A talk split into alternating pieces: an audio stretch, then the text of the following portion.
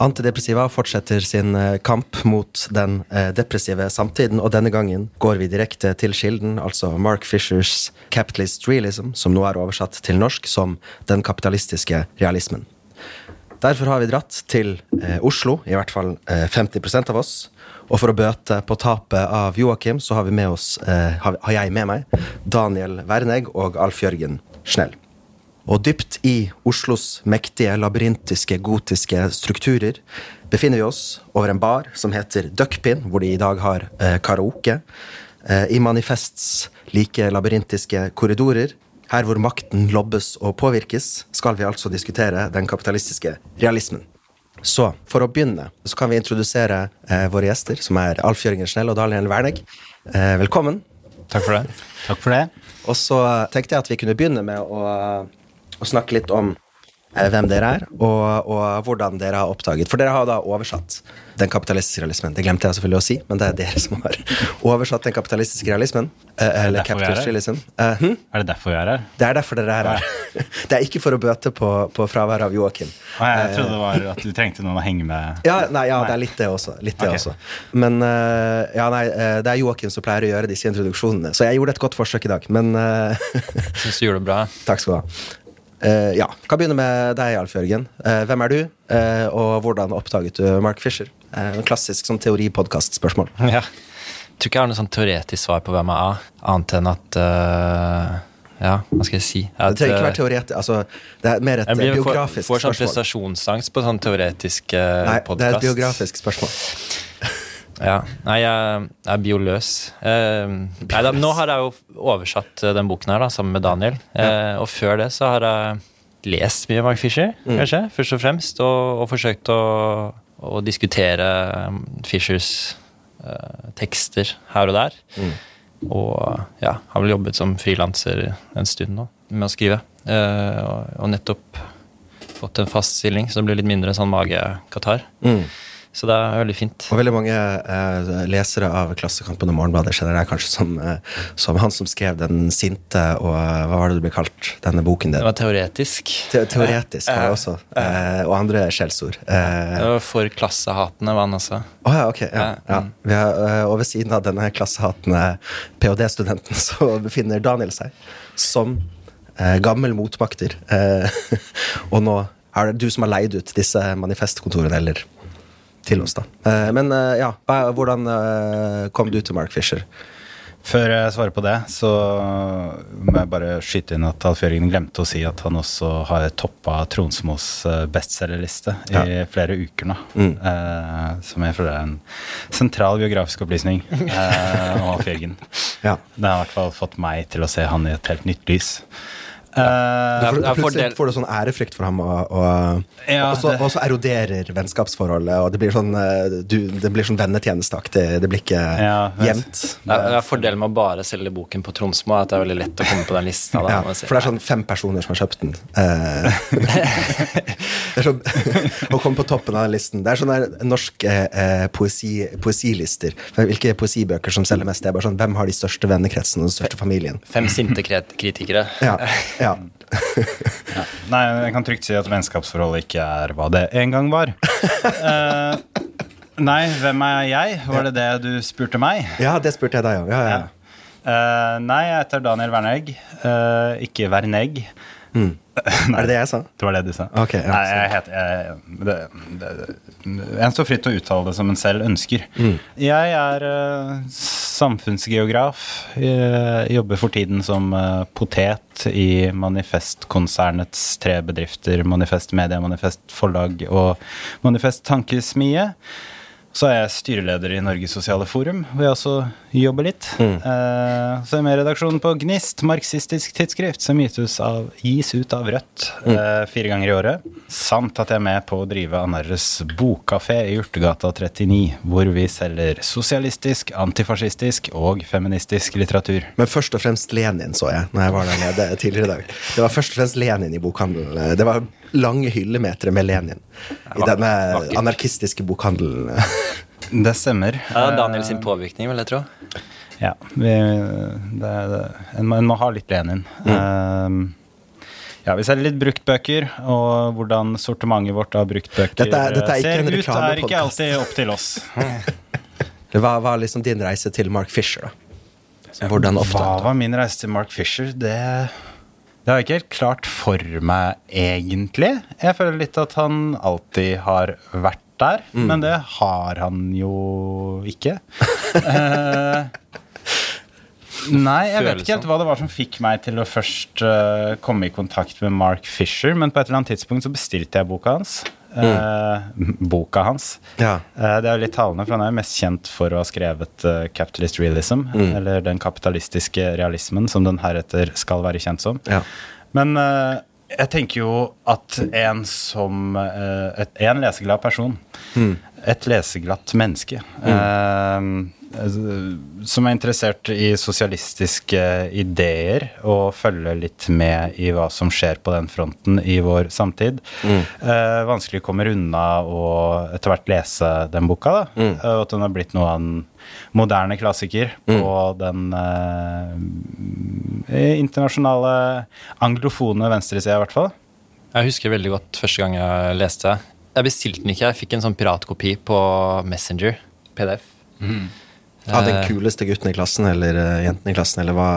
Det var, det var en bestevenn. Veldig kul sådan. Ja. uh, han sa bare sånn Fy faen, det her er bra. Ja.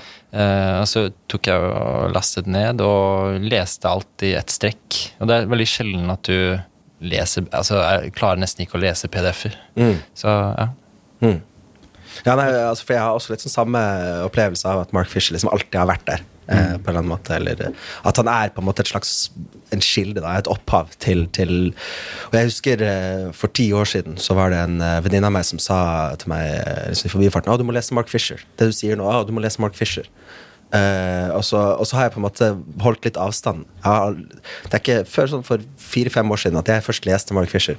Men, men også fordi at jeg følte at hvis jeg gjorde det, så kom jeg til å bli liksom, helt betatt. Liksom. Altså jeg kom bare til å Alt jeg gjorde, kom til å være fishersk. eh, eh, I ettertid. Men, men så fant jeg på en måte ut at det al har alltid vært det. så det er, liksom, det, er, det, er, eh, det er ingen utvei, da. Retroaktivt. Ja. Apropos eh, ingen utvei. eh, hva er Vi må selvfølgelig begynne med Hva er egentlig den eh, kapitalistiske realismen? Eh, og det kapitalistiske realismen er en slags På den ene siden en ideologi, eh, og på den andre siden en følelse eh, som er smelta sammen, som gjør at man går rundt og tror at kapitalismen er det eneste realistiske eh, alternativet vi har i dag. Så man har på en måte gitt opp ideen om andre samfunnsformasjoner, andre måter å leve på, eh, fordi ingen andre systemer er realistiske. Ja, kapitalismen er forferdelig. Den er helt, den er, altså Alle innrømmer det. Eh, jeg tror sånn Hvis du har spurt liksom, Mark Zuckerberg altså, jeg, jeg tror ingen vil, vil liksom si at dette er pent, men alt annet er verre. Ja. Og det er kort sagt eh, kapitalistisk realisme. Mm, som eh, Margaret Thatcher så kjent proklamerte, Tina, there is no alternative. Ja.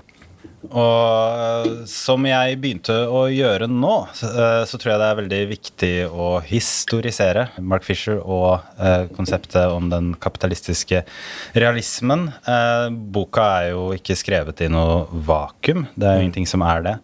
Og en merker jo eh, ganske raskt når en leser den kapitalistiske realismen, at Mark Fishers tenkning er veldig farga og definert av eh, den tidsalderen han eh, levde i, av eh, Thatchers knusing av den britiske fagbevegelsen, arbeiderbevegelsen, eh, på 80-tallet. Det, det er jo et par sånne eh, som, som for meg i hvert fall framstår litt sånn daterte eh, forsvar av kullgruveindustrien. Mm. eller det er kanskje ikke kull, men gruveindustrien. At liksom den må vi den er liksom. Ja, det var kullgruver, ja. At det liksom var Det var liksom da den, den, kapitalistiske realismen starta. Og for oss så kan det framstå altså, i vår veldig sånn eh, miljøbevisste tid, så framstår ikke det som en kampsak for venstresiden å prøve å holde kullgruver åpne. Men, men der er det veldig tydelig at han er veldig i det. Altså, den kampen er for ham et traume, da, på en måte. Ja, ikke sant? Og det handler jo om at eh, Uh, organiserte kullgruvearbeidere var kanskje den fremste maktbastionen i den britiske arbeiderbevegelsen. Uh, og at deres makt ble uh, i stor grad knust gjennom Margaret Thatchers angrep på dem på midten av 80-tallet. og at resultatet av det var en kraftig svekka britisk arbeiderbevegelse. Uh, og det her sammenfalt jo uh, i tid nokså mye med Sovjetunionens sammenbrudd. En uh, hadde ikke lenger noe reelt eksisterende alternativ til kapitalismen. Mm. Nord-Korea. ja, ikke sant. Og ikke sant, folk som Noam Chomsky, den velkjente anarkisten som nå er 95 år gammel og fortsatt aktiv. Eh, har jo snakket om Sovjetunionens sammenbrudd ikke sant, som eh, noe eh, venstre, som, som, en av de største liksom, lykkene som kunne skjedd venstresiden. Mm. Fordi det ikke var noen reell sosialisme. Det var ikke arbeiderklassens kontroll over produksjonen osv., som jo er det sosialistiske målet med, med for, for, for, sosialismen. Mm. Det var i stedet et autoritært uh, samfunnssystem hvor en liten elite utbytta mesteparten av befolkningen. Eh, så han har argumentert for at det er en av de største lykkene som har skjedd sosialismen eh, i det 20. århundre. Fordi nå kunne vi endelig vise at sosialismen er ikke dette her autoritære systemet i øst. Mm. Og Hvis man følger Chomskys tankegang, så ville en jo kunne liksom tenke at åh, oh, på 90-tallet eh, så nå, nå kommer 90-tallet. Eh, da ble det, da ble en, en eh, oppblomstring av sosialistiske alternativer. Ja, ikke sant? Nå kan sosialismen få en ny vår, ja. for nå har man ikke lenger et massivt propagandamaskineri mm. eh, i øst som er helt enig med det kapitalistiske propagandamaskineriet i vest om hva sosialisme er. Mm.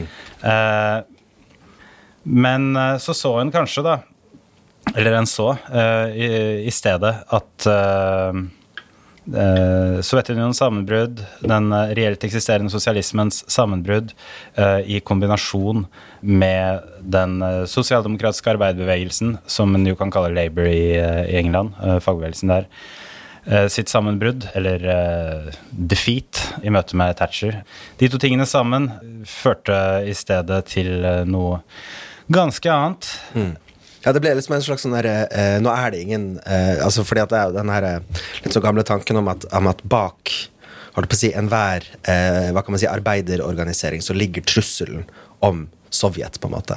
At, mm. at, det, at, det, har på en måte alltid vært en trussel som har gjort at, at hva kan man si, undertrykkelsen av arbeiderklassen ikke har vært så brutal. Da, på en måte. Eller, mm. eller selvfølgelig har den vært, men, men, at man ikke man har på en måte vunnet fram fordi at sånn alternativet har vært så mye verre. Altså, vært ja, rise bak speilet, liksom. Ja, vi får, vi får gi dem eh, litt mer fri. Åtte timers dag. Ja, fordi at mm. hvis ikke så, så, så tar de og dreper oss alle det, er jo, det er også et aspekt, men uh, jeg tenker at eh, ikke sant, det sosialdemokratiske nederlaget i England kombinert med sovjetsosialismens nederlag mm. uh, etterlot oss med en verden hvor det for mange begynte å se ut som at alle forsøk på sosialisme, om det så er det parlamentarisk-demokratiske eller det revolusjonære leninistiske, whatevs mm. you call it, feiler og er dømt til å feile.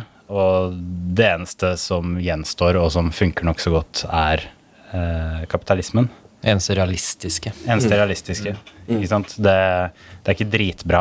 Det er, Men det er det eneste. Altså det, er, det, er, jo her selvfølgelig denne tesen om historiens slutt kommer fra. Ikke sant? Altså, til Fukuyama eller, ja, og, og den der si, nyhegelianske, eller jeg vet ikke hva man skal kalle konservativ hegelianske tanken om at, uh, om at kapitalismen representerer en sånn historiens slutt. Og det er til en viss grad, til en viss grad så er jo Fischer enig i det. Altså at, at, den representerer en form for historiens slutt. For det er det det er litt snakk om. ikke det? Altså sånn, uh... en, en tilsynelatende, da. Ja. Uh, fordi uh, Fischers argument er jo ikke at historien har slutta, uh, men at man tror det. Mm. Selv på venstresiden mm. tenker man at jo, dette systemet som liksom ødelegger jorda og ødelegger mm. psyken vår, mm. det er det beste vi mm. noen gang kommer til å få. Ja, Det er et midlertidig opphold i dialektikken. men, men, eh, ja, så det er på en måte denne konteksten kapitalistisk realisme skal se. Ja, men det skrives jo i 2007, da. Uh, ja, jeg tror sånn, Hvis man fortsetter tankerekken til Daniel, da, så er det ja, Sovjet, Berlinmurens fall mm. um, Thatchers angrep på sosialdemokratiet, men også videreføringen av Thatchers prosjekt i New Labour. Så når uh, Fisher skrev den boken, her, sånn, så hadde New Labour vart lenge. Og, og, Gordon Brown hadde tatt over for uh, Tony Blair. Mm. han hadde nydelige sånne psykologiske lesninger ja, av Gordon Brown. Ja, hva han sier, Gordon Brown er, Mange har på venstresiden har løyet om han har arbeiderklassebakgrunn, men Gordon Brown er den eneste som har løyet om han har overklassebakgrunn. ja.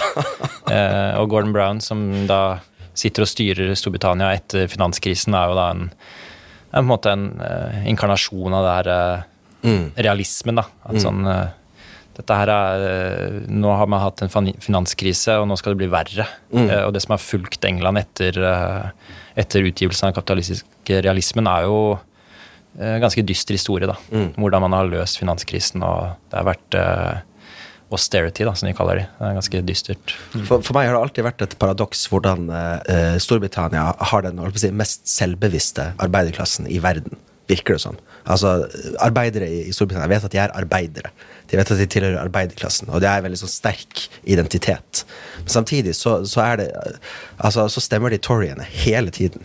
Det skjønner ikke jeg, da. Men, men, eh, det, ja, men, det, men det, er kanskje litt sånn Det er forskjell på å ha arbeiderklasseidentitet mm. og ha, være en arbeiderklasse for seg selv, da, for å mm. bruke litt sånn gammel marxistisk sjargong. Uh, og jeg tror nok den bevisstheten har nok variert med årene, da. Mm. Uh, at du er ikke veldig bevisst som arbeiderklasse hvis man stemmer Tory, Nei. overklassepartiet. har, vi, har, vi, her fått en, en tydelig uh, skille mellom identitetspolitikk og klassepolitikk? Ja, det, Den tør ikke jeg å, å, gå veldig inn på, men jeg tror nok Mark Fisher var nok veldig interessert i det selv, som kom mm. fra hva han kalte en konservativ arbeiderklassebakgrunn, mm. men ble mer og mer opptatt av klassepolitikk. Så kan en jo anta flere identiteter på en og samme tid. En kan uh, føle at en er arbeider, men en kan samtidig føle at en er britisk. Mm. Og hvis en først og fremst er britisk, uh, og dernest arbeider, så kan det føre til en ganske annen uh, type politikk mm. enn om det er motsatt. da. Men nå har vi tatt den hva kan man si, politiske konteksten her, da, og, og hva kan man si, det polit... Eller jeg har kanskje ikke redegjort helt for det politiske prosjektet til Mark Fisher, men det er i hvert fall en, en jeg, jeg, føler jo det, det er én ting vi liksom har eh, ja. kanskje glemt litt, da, eller ikke tatt nok, og det er, det er, dette med New Labour og Tony mm. Blair, som mm. Alf Jørgen var inne på.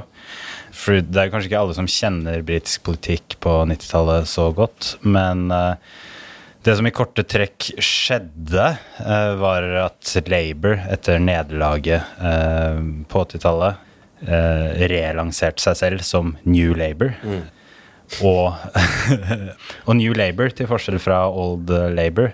Og dette, eh, dette er ikke et sånt tilfelle av uh, same shit, different rapping. Dette er different shit. Same rapping-ish. Ja, ja. ja, ja. Uh, ja, ja. Uh, Uh, altså, altså, mer eller mindre godtok de, de endringene som, som, Margaret Thatchers konservative styre hadde fått igjennom uh, på på 80-tallet, og som uh, ofte blir uh, dratt fram, så ikke sa Margaret Thatcher uh, ved en eller annen anledning da hun ble spurt om hva hennes største mm. achievement var, at det var Tony Blair. Mm. jeg trodde det var Mark Fisher. At det var hennes største achievement? Nei, jeg tror, jeg tror han siterer Jeg lurer på om jeg har lest det i Mark Fisher selv også. Jeg tror han siterer Eh, det var en spøk Det var en spøk fra min side. Okay, ja. At Mark Fisher var det største produkt av uh, Margaret Thatcher. Mm. Ja, okay, ja. Til slutt. humor. Uh, men, det er alltid vanskelig. Altså, men ikke sant, som så, historien Akademikere prøver seg på humor. det er alltid gøy. His, historien, historien, er ikke slutt ennå. Uh, og den blir jo til retroaktivt, ikke mm. sant? Mm. Man, man, skriver den Man skriver den fra dens foreløpige endepunkt. Mm så om ikke så mange år så vil man nok antageligvis snakke om at Mark Fisher er eh, Margaret Thatchers største achievement. Mm. I hvert fall etter I hvert fall nå som den kapitalistiske Vi tar spøkelse, spøkelse Mark Fisher som verdenshersker. Eh. Ja.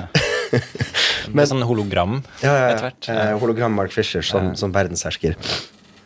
Men, men, det jeg hadde også lyst til å snakke litt om, er, er at eh, ja, okay, det er den politiske bakgrunnen osv., men, men Mark Fisher kom jo også fra en, en altså eh, en gruppe som jobbet mye med sånn kybernetikk og sånt. Og han også, han var jo også eh, si, litteraturviter, og, og, og så han var opp, altså det kulturelle her, liksom. Hva, hva, er den konteksten, på en måte?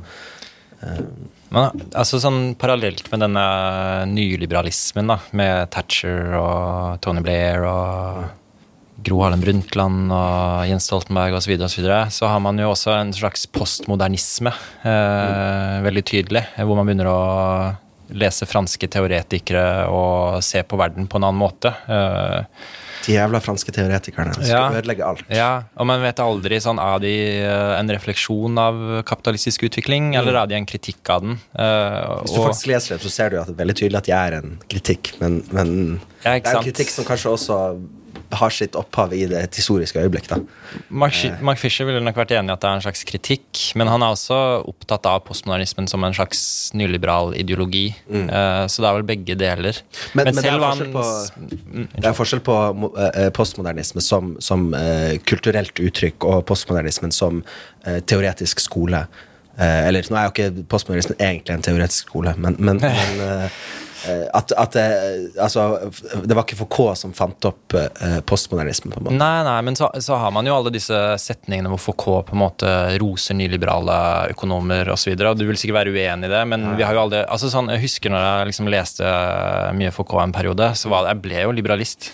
Okay, ja, ja, for han, han, kritiserer, han kritiserer liberalismen, og da er så staten overalt. Men så leser du Mark Fisher, så får du sånn der ja, trenger en, en sterk stat liksom, som knuser, knuser ja. småborgerskapet. Men, ja, fordi jeg har vært men, i en sånn lengre FK-periode nå hvor jeg har eh, begynt å sånn Ja, det, det, det, det sivile liv er litt viktig å ta vare på og sånne ting. Så ja, jeg håper jeg kommer ut på andre siden uh, i god behold. Det sivile livet legger seg mellom uh, kongen og individet og mm. umuliggjør politisk styring. Så du skjønner jo på en måte at nyliberalismen ligger mellom linjene der. Mm. Men, men, mer konkret så, så, så kom Mark Fisher ut av et miljø som kalles CCRU CCU. Mm. Uh, Cybernetic Culture Research Unit. Mm. Som var en liten sånn uoffisiell forskningsgruppe på University of Warwick, hvor han tok doktorgraden sin i filosofi og litteratur. Uh, og der var uh, sto Deleuze, den franske kjente postmoderne filosofen. Trenger ikke introdusere Deleuze. Nei, ok. Ja, ja. Jeg, jeg, jeg, Hvis du ikke vet hvem du løser, så har du ingenting å gjøre med å lytte på den podkasten. Jeg, jeg syns du sa før vi begynte at jeg ikke snakket til deg, men til publikum. Men, ja, men vi har et smart publikum. Ja, det er godt å høre. Eh, Deløs Hvis du ikke vet hvem Deløs er, så blir du føle deg dum nå. ja. Gjør det. Slik vinner venstresiden eh, fram. Ja, vi, vi, kommer tilbake til dette med dannelse senere, men, ja. men eh, det løs leotard eh, Baudrillard disse, disse, teoretikerne sto veldig høyt, og særlig gjennom lesningen til Nick Land, som var på en måte en slags uh, hva skal man kalle det, farsfigur på dette CCRU. Mm. Og Nick Land plukket på en måte opp Deleuze og Guttari, uh, samarbeidspartneren, til Deleuze, uh, sin idé om kapitalisme og hva de skrev om kapitalismen, hvor på en måte jeg, vet, altså jeg er ikke noen ekspert på Lands lesning av Deleuze, men han trekker frem i hvert fall deres idé om kapitalisme som en slags innovativt prosjekt. Mm. Og man er veldig opptatt på CCRU på 90-tallet, når Fischer skriver den doktorgraden her, at ja, Sovjet har falt, og man har en slags digital, ny kapitalisme som vokser frem. Og man må på en måte bare kaste seg inn i dette moderne, innovative, digitale tingen som vokser her.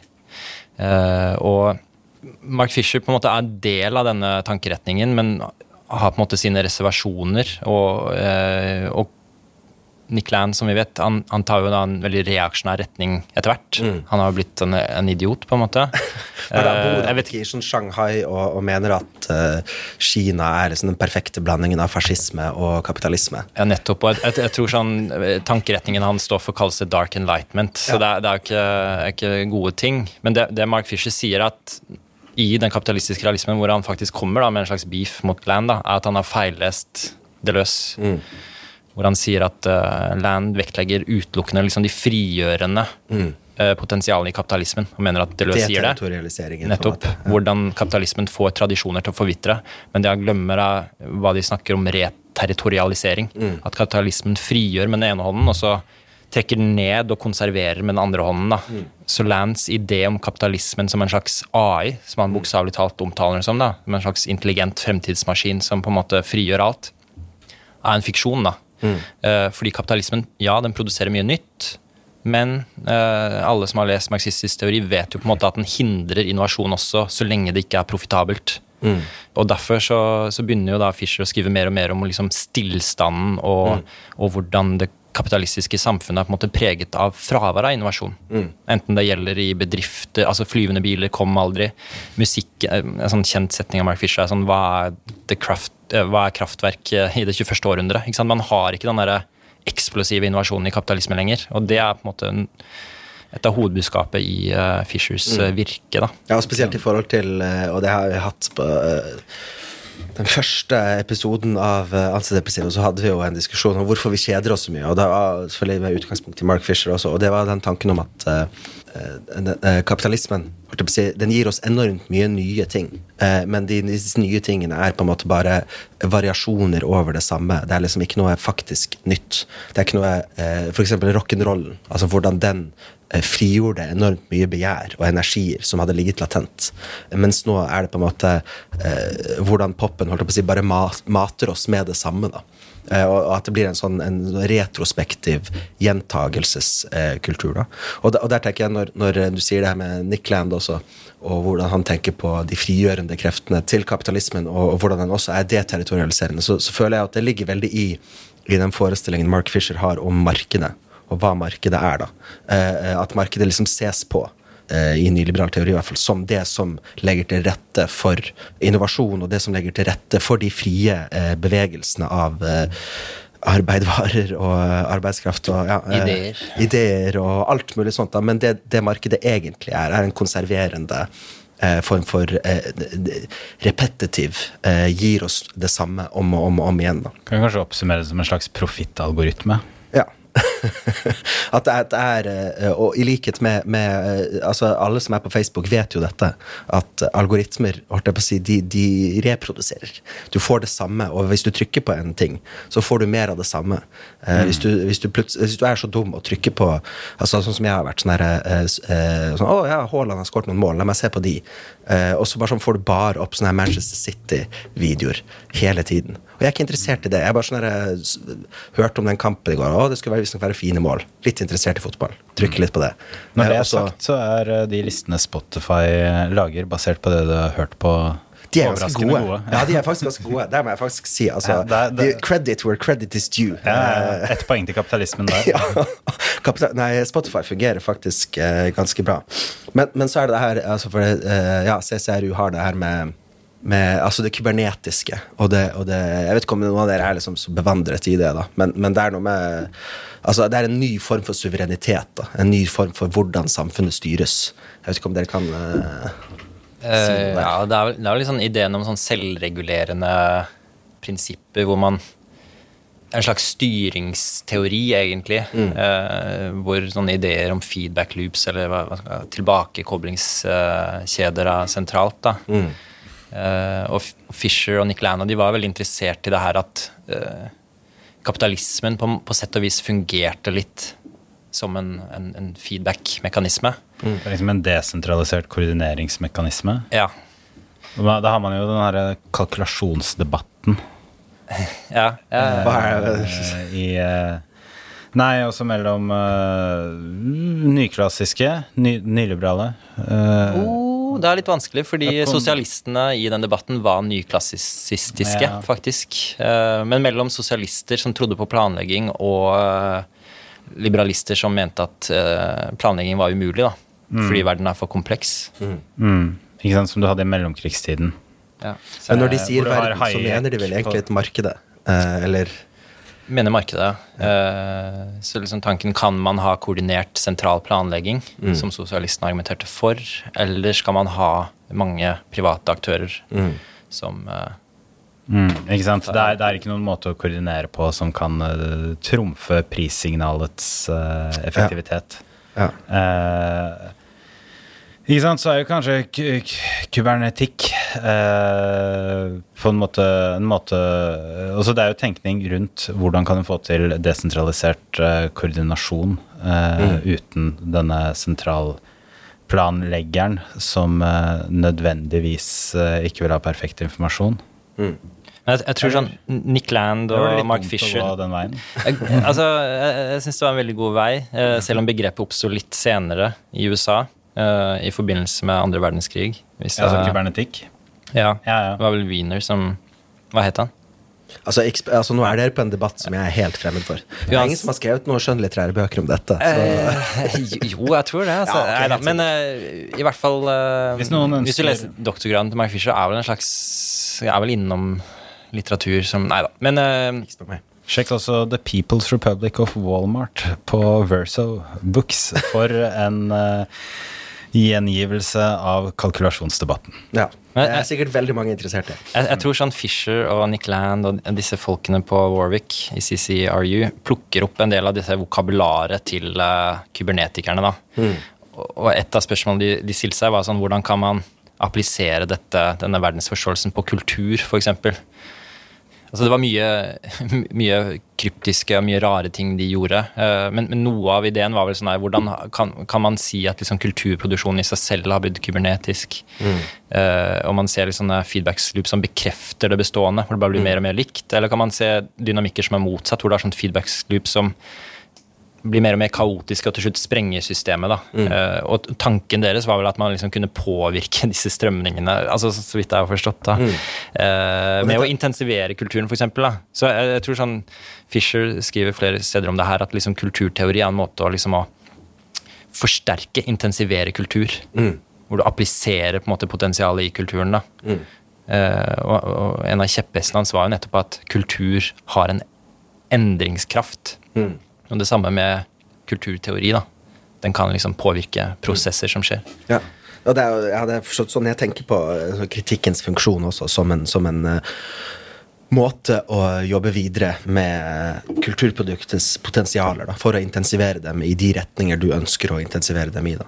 Eh, men, men dette er også skrevet altså det, det er jo sånn man jobber kritikk. Hvem er det som faktisk leser det? Hvor, hvor, hvor sprer det? Og den på materielle forståelsen av hvem og hvor og når eh, ting skjer, da. Eh, og hvordan det, det, hva kan man si, det kulturelle spres. Eh, det er jo litt det jeg føler at altså, når, når Nick Land har disse ideene om, om eh, og, og Mark Fisher for så vidt, om, om den, den kybernetiske kulturen, på en måte, så er jo dette før Internett 2.0. Liksom. Altså, det er før eh, Internett blir så gjennomført privatisert som det er nå. Liksom. Altså, nå finnes det jo ingen steder på Internett som ikke er privatisert. Eh, Ja, for Selv i liksom den kapitalistiske realismen så kommer han jo med Eller det er, det er jo nettopp før den uh, 2.0 som du snakker om, da. Men det er en veldig sånn stor tro på internettet som et medium.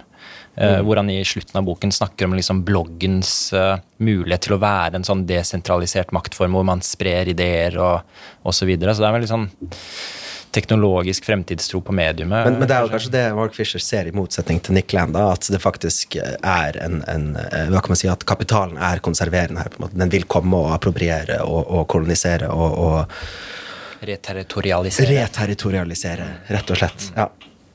Uh, ok, men, men det jeg bet meg merke i, var denne her eh, hvordan han beskriver eh, kulturen som å være i stillstand. Da. At det er en form for eh, si, Han snakker om eh, sånn museumifisering av kulturen. At kulturen blir eh, en rekke objekter som du eh, går på museum for å se på. Da. Og, og og at det dermed ikke har noen, hva kan man si, noen, noen skapende, kreativ funksjon, men bare en mer sånn selvbekreftende. Nå går vi og ser på dette bildet her, og det bekrefter på en måte at vi er fra Norge, og det bekrefter at vi er eh, Ja, husker du da det skjedde? Altså sånn herre eh, Ja, og ikke bare i museum, men også på TV, på en måte. Så eh, En annen sånn typisk motiv i Fisher er reality-TV, da, som er liksom mer av det samme. og hverdagslivet på en måte reiviser- Det er tingliggjøres. så- da. sånne programmer som Luksusfellen og sånne ting, hvor du på en måte blir bekreftet i at sånn Ja, ja, ok, ja, jeg, har, jeg har mine finanser på plass. Det går bra med meg.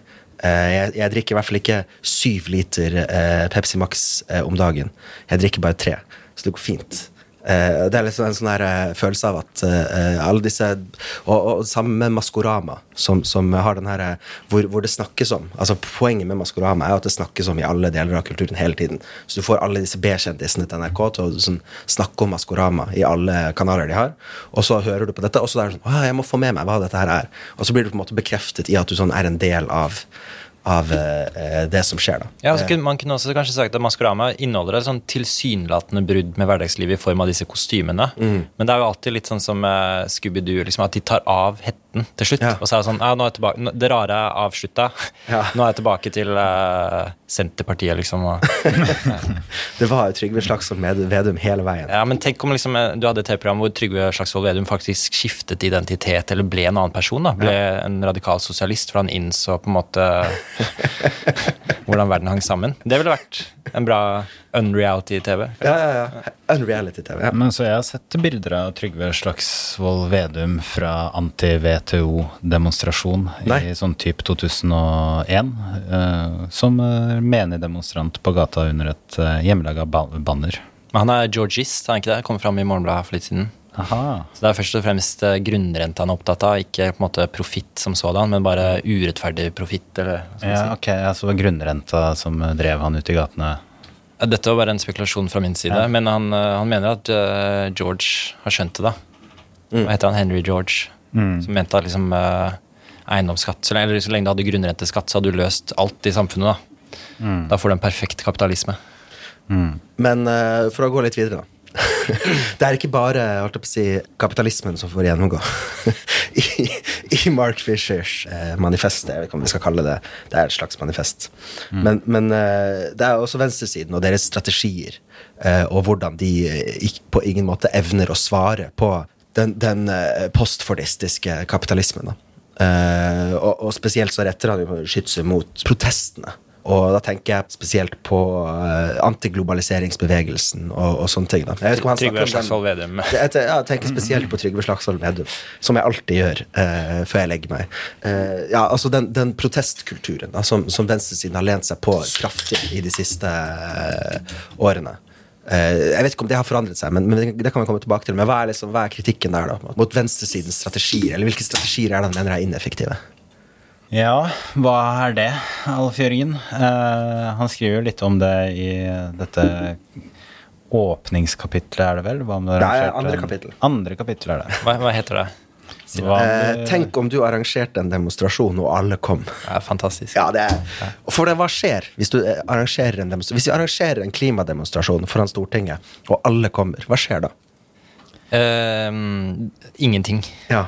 Og det er, det er vel poenget. eh, at eh, protester, på en måte, sier han, baserer seg på en idé om makt som et eh, personlig subjekt, en farsfigur, som står på Stortinget og ikke gir oss det vi vil ha. Vi vil ha fritid, mer velferd, mer inntekt. En You levende planet. Ja, det også, etter hvert. Og, og protest er liksom å møte opp og tro at denne farsfiguren gir oss det vi vil ha, da. Eh, så Fishers poeng er på en måte at det du må gjøre, er å ikke bare arrangere protester, men du må ha program for hva du vil, og du må ha et slags ønske om å ta over mm. styringen av samfunnet. Så Vi sitter jo nå i Manifest-kontorer i Oslo, der har de et veldig vakkert bilde av Youngstorget foran eh, regjering, eller regjering, holdt jeg på å si, Arbeiderpartiet sitt hovedkontor. Bildet av en svær hammer, et veldig kjent bilde. Eh, På 30-tallet. masse folk. Og det er ikke, en, det er ikke en, bare en protest. Det er liksom, her, her har man folk i Arbeiderpartiet og mange velgere, støttespillere, medlemmer, som sier, at, som sier at vi skal ta over samfunnet. Og vi skal endre det etter arbeiderklassens interesser. Det er ikke noe sånn Erna Solberg, kan du gi oss det vi vil ha? Det er sånn, vi, skal, vi skal ta over det her selv. Og det du gjør i et sånt trekk, er på en måte å kvitte deg med den farsfiguren. da. Ja. Og det, det er en av kritikkene av hans protestkultur. Det er, det er mer, men, eh, det er en. Men det er jo den, her, eh, den hysteriske uh, si, kravet til, til, til faren. At sånn herre uh, Gi meg Altså, man vet ikke helt hvem man er. Man vet ikke helt hva man vil, men jeg vil ha det jeg vil ha. Jeg vil ha Altså, for eksempel den klimademonstrasjonen til ungdommen. som, som kanskje kan beskrives som en sånn ur sånn hysterisk demonstrasjon, eh, eller Ja. protestform. Ja, Tenk på klimabrølet i 2019. Klimabrølet, ja. Var det ikke det? Eh, 2019? Hvor, hvor liksom alle, alle de unge skal komme og liksom eh, markere at de er eh, imot klimaforandringer, da. Ja. ja vi, vi hadde en slags sånn diskusjon med forlaget om, om etterordet, og sånn, hvor vi hadde lyst til å bruke det eksempelet da, som et eksempel på, på nettopp denne farsfigurs diskusjonene her, da. Hvor du har alle disse ungdommene, og eldre for så vidt. Jeg var, nei, jeg var kanskje ikke jeg tror jeg så det på internett, da. Eh, jeg tror jeg følte meg for gammel. Men eh, det var, det var mye folk møtte opp foran Stortinget og hadde et klimabrøl og protest. Og krevde en grønn omstilling av økonomien. da. Og så kommer utviklingsministeren eh, fra KrF. Krevde det egentlig en grønn omstilling av økonomien Ja, eller bare en gang? krevde Krevde de- det ikke bare at ting må bli bra? Ja, de, de sa at pappa, pappa fiks det her. Ikke sant? Og så kommer pappa i dress opp på scenen og sier sånn Hallo, alle ungdommer. Vi skal gi dere det dere vil ha. Vi legger ned oljeindustrien om ett år, eller noe sånt, sier de. Og de ungdommene bare klikker og bare sånn Yes! De blir så glad. Og så viser det seg kort tid etterpå at han fyren her kommer jo fra hva er det, nyhetskanalen 5080 eller et eller annet sånt. Han, er, han er leid inn av Natur og Ungdom for å bevise det åpenbare, da, at de, disse politikerne kommer aldri til å gi oss det vi vil ha. Så, så de som eh, eh, organiserte demonstrasjonen, leide inn holdt jeg på å si, et bevis for at eh, demonstrasjonen ikke fungerer. ikke fungerer? Ja, eller jeg, jeg vet ikke hva de tenkte. Jeg vet ikke om det er veldig smart eller veldig dumt. Men eh, enkelte barn begynte å gråte, i hvert fall rapporterte avisene. Denne, denne komikeren eh, var jo en ekstrem look-alike av eh, den daværende eh, Utviklingsministeren. utviklingsministeren. Klima- og utviklingsministeren. Husker ikke hva han heter, men kom han ikke fra Bergen? Det er ikke eller? Dag. Inge. Ja, sånn, sånn svart Det er eh, ikke- sleik. Det er ikke Dag Inge. Jo, noe, jo, Ja. noe sant. Mm. Men det er den her at, at, at den protestkulturen som eh, eh, skal kalle det sånn nyanarkistiske eller ikke ny, men, men i hvert fall den, den uh, tanken om at man ikke skal altså orga, All organisering har jo med seg en, en, en trussel om hva kan man si, hierarkier. Altså Hierarkier oppstår i organisasjoner. Hvis du organiserer deg, så oppstår det hierarkier. Du må jo underordne seg et politisk prosjekt Ja, man da må ikke du har full kontroll over. på en måte. Ja, Man- da må du, da må du tilpasse deg, og så må du ja. mens, mens hvis du bare har en demonstrasjon, så kan du på en måte bare eh, gå ut, ha litt jouissance, og så, og så kan du dra hjem igjen og, og, og føle deg bra. Eh, Ja, eller gråte. eller gråte, Når da. pappa ikke gir deg det du vil ja, ha, ja. egentlig. Eh, fikk du PlayStation, fikk du ikke PlayStation. Det, ja.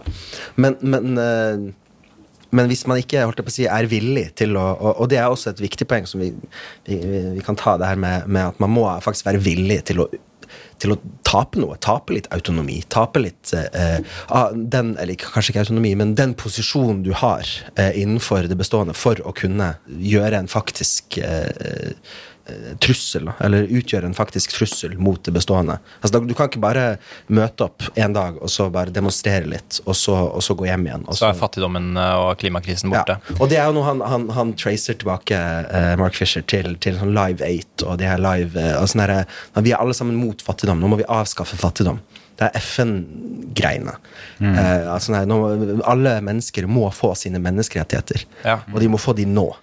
Eh, og det skal vi ha en konsert for å fikse.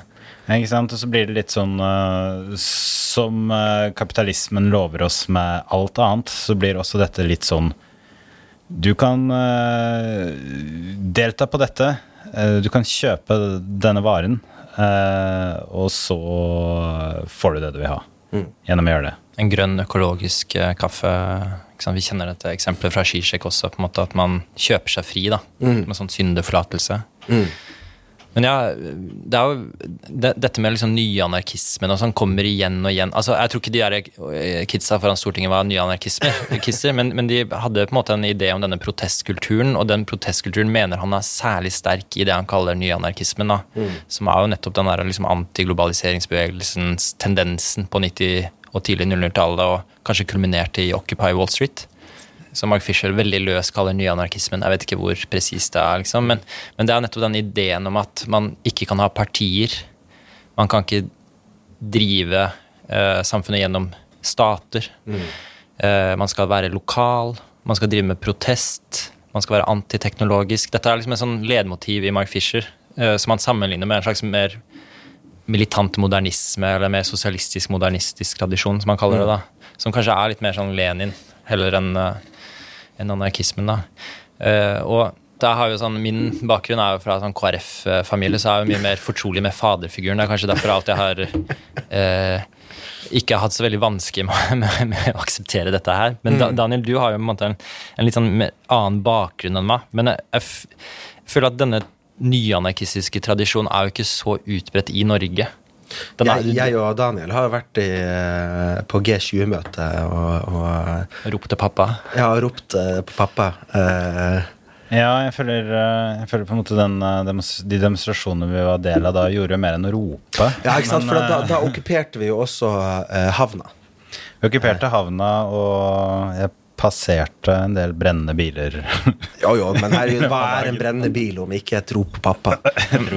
Fischer sier sånn at nyanarkistene vil okkupere alt bortsett fra media og staten. Ja, fordi at da, da blir det litt alvorlig. Korrumpert. Ja, da, da begynner makten å komme inn, sant? Og, og makten kan vi jo ikke befatte oss med. Ja. man skal drive med kritikk av makt, ikke Ja. konstruktiv maktutfoldelse. Da. Ja, men problemet er jo da at hvis ikke vi eh, tar kontroll over eh, eh, makten, så er det noen andre som gjør det. Ja, pappa.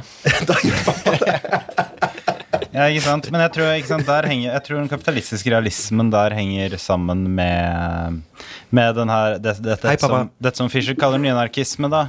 Fordi fordi når alle forsøkene på å endre eh, det bestående eh, gjennom sosialdemokratiet, gjennom revolusjonære sosialismen, har spilt fallitt, så blir liksom eh, det gjenstående alternativet å bare holde god avstand til alt det som eh, ikke er rent. Og, og, og, og dyrke det rene på Ja. siden av det bestående. Og er det tilfeldig? Og en får politiske strategier hvor en istedenfor å gå inn og, og forsøke å endre totaliteten, heller forsøker å bygge opp alternativer på utsiden. Eh, og Og det, og det, er ikke så veldig, ut, det er ikke så retorisk eller overtalende. føler jeg. Da, da folk står liksom, Du kan velge mellom å få et par sånne råtne egg fra denne gruppen her, eller så kan du få et eller annet fra Prio eh, eller fra Orkla. Som masseprodusert, kommer i butikken, Ja. ser vakkert ut. ikke sant? Og da velger folk flest Orkla, da. Man- men, men det føles nesten som om det er en sånn estetisk eh, forhold mellom eh, dette behovet for å liksom eh, trekke seg tilbake til det altså Fordi at makten er skitten, selvfølgelig, og, og den er skummel og, og korrumperende. Eh, og denne her, eh, altså Det er jo selvfølgelig en et, et strukturelt forhold, men det er også et, et sånn estetisk forhold Men det er, eh, behovet for denne renheten, å holde seg selv ren, holde sin egen sti ren, og det å, å, å på en måte dyrke denne her rene jorden og rene eh, gården hvor jeg kan ha min sånn egen rene eh, eh, økologi og økonomi gående. da. Eh, som jeg også har vært veldig opptatt av det her forholdet mellom, mellom universalisme og sekterisme. At det er en tendens, opplever jeg, da, blant, blant eh, eh, egentlig radikale mennesker, eller mennesker som oppfatter seg selv som radikale, i hvert fall, til en form for sekterisme. At sekterisme er det eneste svaret. Altså, du kan ikke kjempe om universelle. Det universelle må bare få lov til å gå, staten må bare få lov til å gå, kapitalen må bare få lov til å gå. Vi må bare lage våre egne eh, små enklaver på utsiden. da. Eh, men, men til en viss grad så altså, jeg, jeg vet ikke om vi skal ta den debatten nå, men, men jeg syns det er interessant. Da, I hvilken grad eh, altså sekterisme ikke har noe for seg. Altså, Går det ikke an å være sekterisk? liksom? Går det ikke an å, å, å dyrke eh, den egne kulturen holdt jeg på å si, uh, utenfor det bestående? Altså, Er det ikke det alle motkulturer til en viss grad gjør også? Spørsmålet blir da kanskje hva slags type sekt du begynner, da. Så, så, så kanskje vi ikke skal avfeie alle sekter. hvor det er litt sånn vold og, og, og seksuelle eh, problemer og sånne ting. Nei. Uh, altså, Et annet poeng er jo at vårt forhold til sekt er veldig preget av sånn sensasjonalistisk nyhetsjournalistikk. Men ja, For du har mye kjennskap til sånne hyggelige hyggelige, gode sekter. Hvor de, hvor de, nei, men tingen er at vi hører jo aldri om de, de kommunene hvor det faktisk går bra. Ja, men det går, går som regel bra for noen få. Eh, arbeidsdyktige Ja. Ikke sant? Det, er- det er et eller annet sånn Man forlater moderniteten, man forlater storsamfunnet og skal fikse ting selv. Og så lar man nyliberalistene få definisjonsmakten på moderniteten. da, er vel et sitat av Mark Fisher. da. Eh, og jeg tenker at eh, hele ideen er på en måte å gjøre om moderniteten, gjøre om storsamfunnet til noe annet. da, Ikke rømme fra det. Men samtidig så er det jo Jeg tror ikke Mark Fisher er sånn ensidig her. Det er mye snakk om motkulturer som du snakker om. og han snakker bl.a. om at liksom disse nyanarkistiske bevegelsene eh, har en slags spenning mellom protestkulturen, som avhenger av en farsfigur, og en slags prefigurasjon, da, som de kaller det der i gården. Eh, som nettopp er en slags å leve som om det nye samfunnet allerede eksisterer. Og det sier han, da har du på en måte drept far og gjør som du vil. Og de to protest og prefigurasjon henger ikke sammen, sier han da. Verken si, begjærsmessig eller politisk. Så han mener jo, han er jo veldig for prefigurasjon og at kulturen skal liksom forespeile en fremtid, gjøre oss klar på en fremtid som ikke eksisterer. Men han, han mener vel at vi må tenke gjennom disse tingene her da, og prøve på en måte å lage et koherent politisk prosjekt. Det er vel noe av det han sier. da. Så tror jeg det ikke bare er på en måte det uh, urenheten ved det bestående, ved kapitalismen. eh, hvordan den eh, liksom er moralsk forkastelig. Eh, tror ikke det bare er det i seg selv som driver folk til eh, disse det Fischer kaller nyanarkistiske tilnærminger til politikk. Eh, jeg tror også et viktig aspekt er maktesløsheten da, kap den kapitalistiske realismen. At en har erfart at å liksom ta del i den etablerte fagbevegelsen, ta del i Arbeiderpartiet osv., ikke fører noe sted, da. Men, men, det, Eh, men kan vi ikke snu det mot seg selv også, da? At det har, det har ført lenger enn disse nyaneksistiske tendensene? Det, det ga oss i hvert fall Lånekassen. I hvert fall meg. Nei, jo, men, men, men Ja, det det, gjorde jo det en gang i tiden, men at en har, en har på en måte erfart etter nederlaget på 80-tallet da, at øh, en vinner ikke En vinner ikke kamper. øh, en, øh, en, en blir satt på siden. En har ingen makt.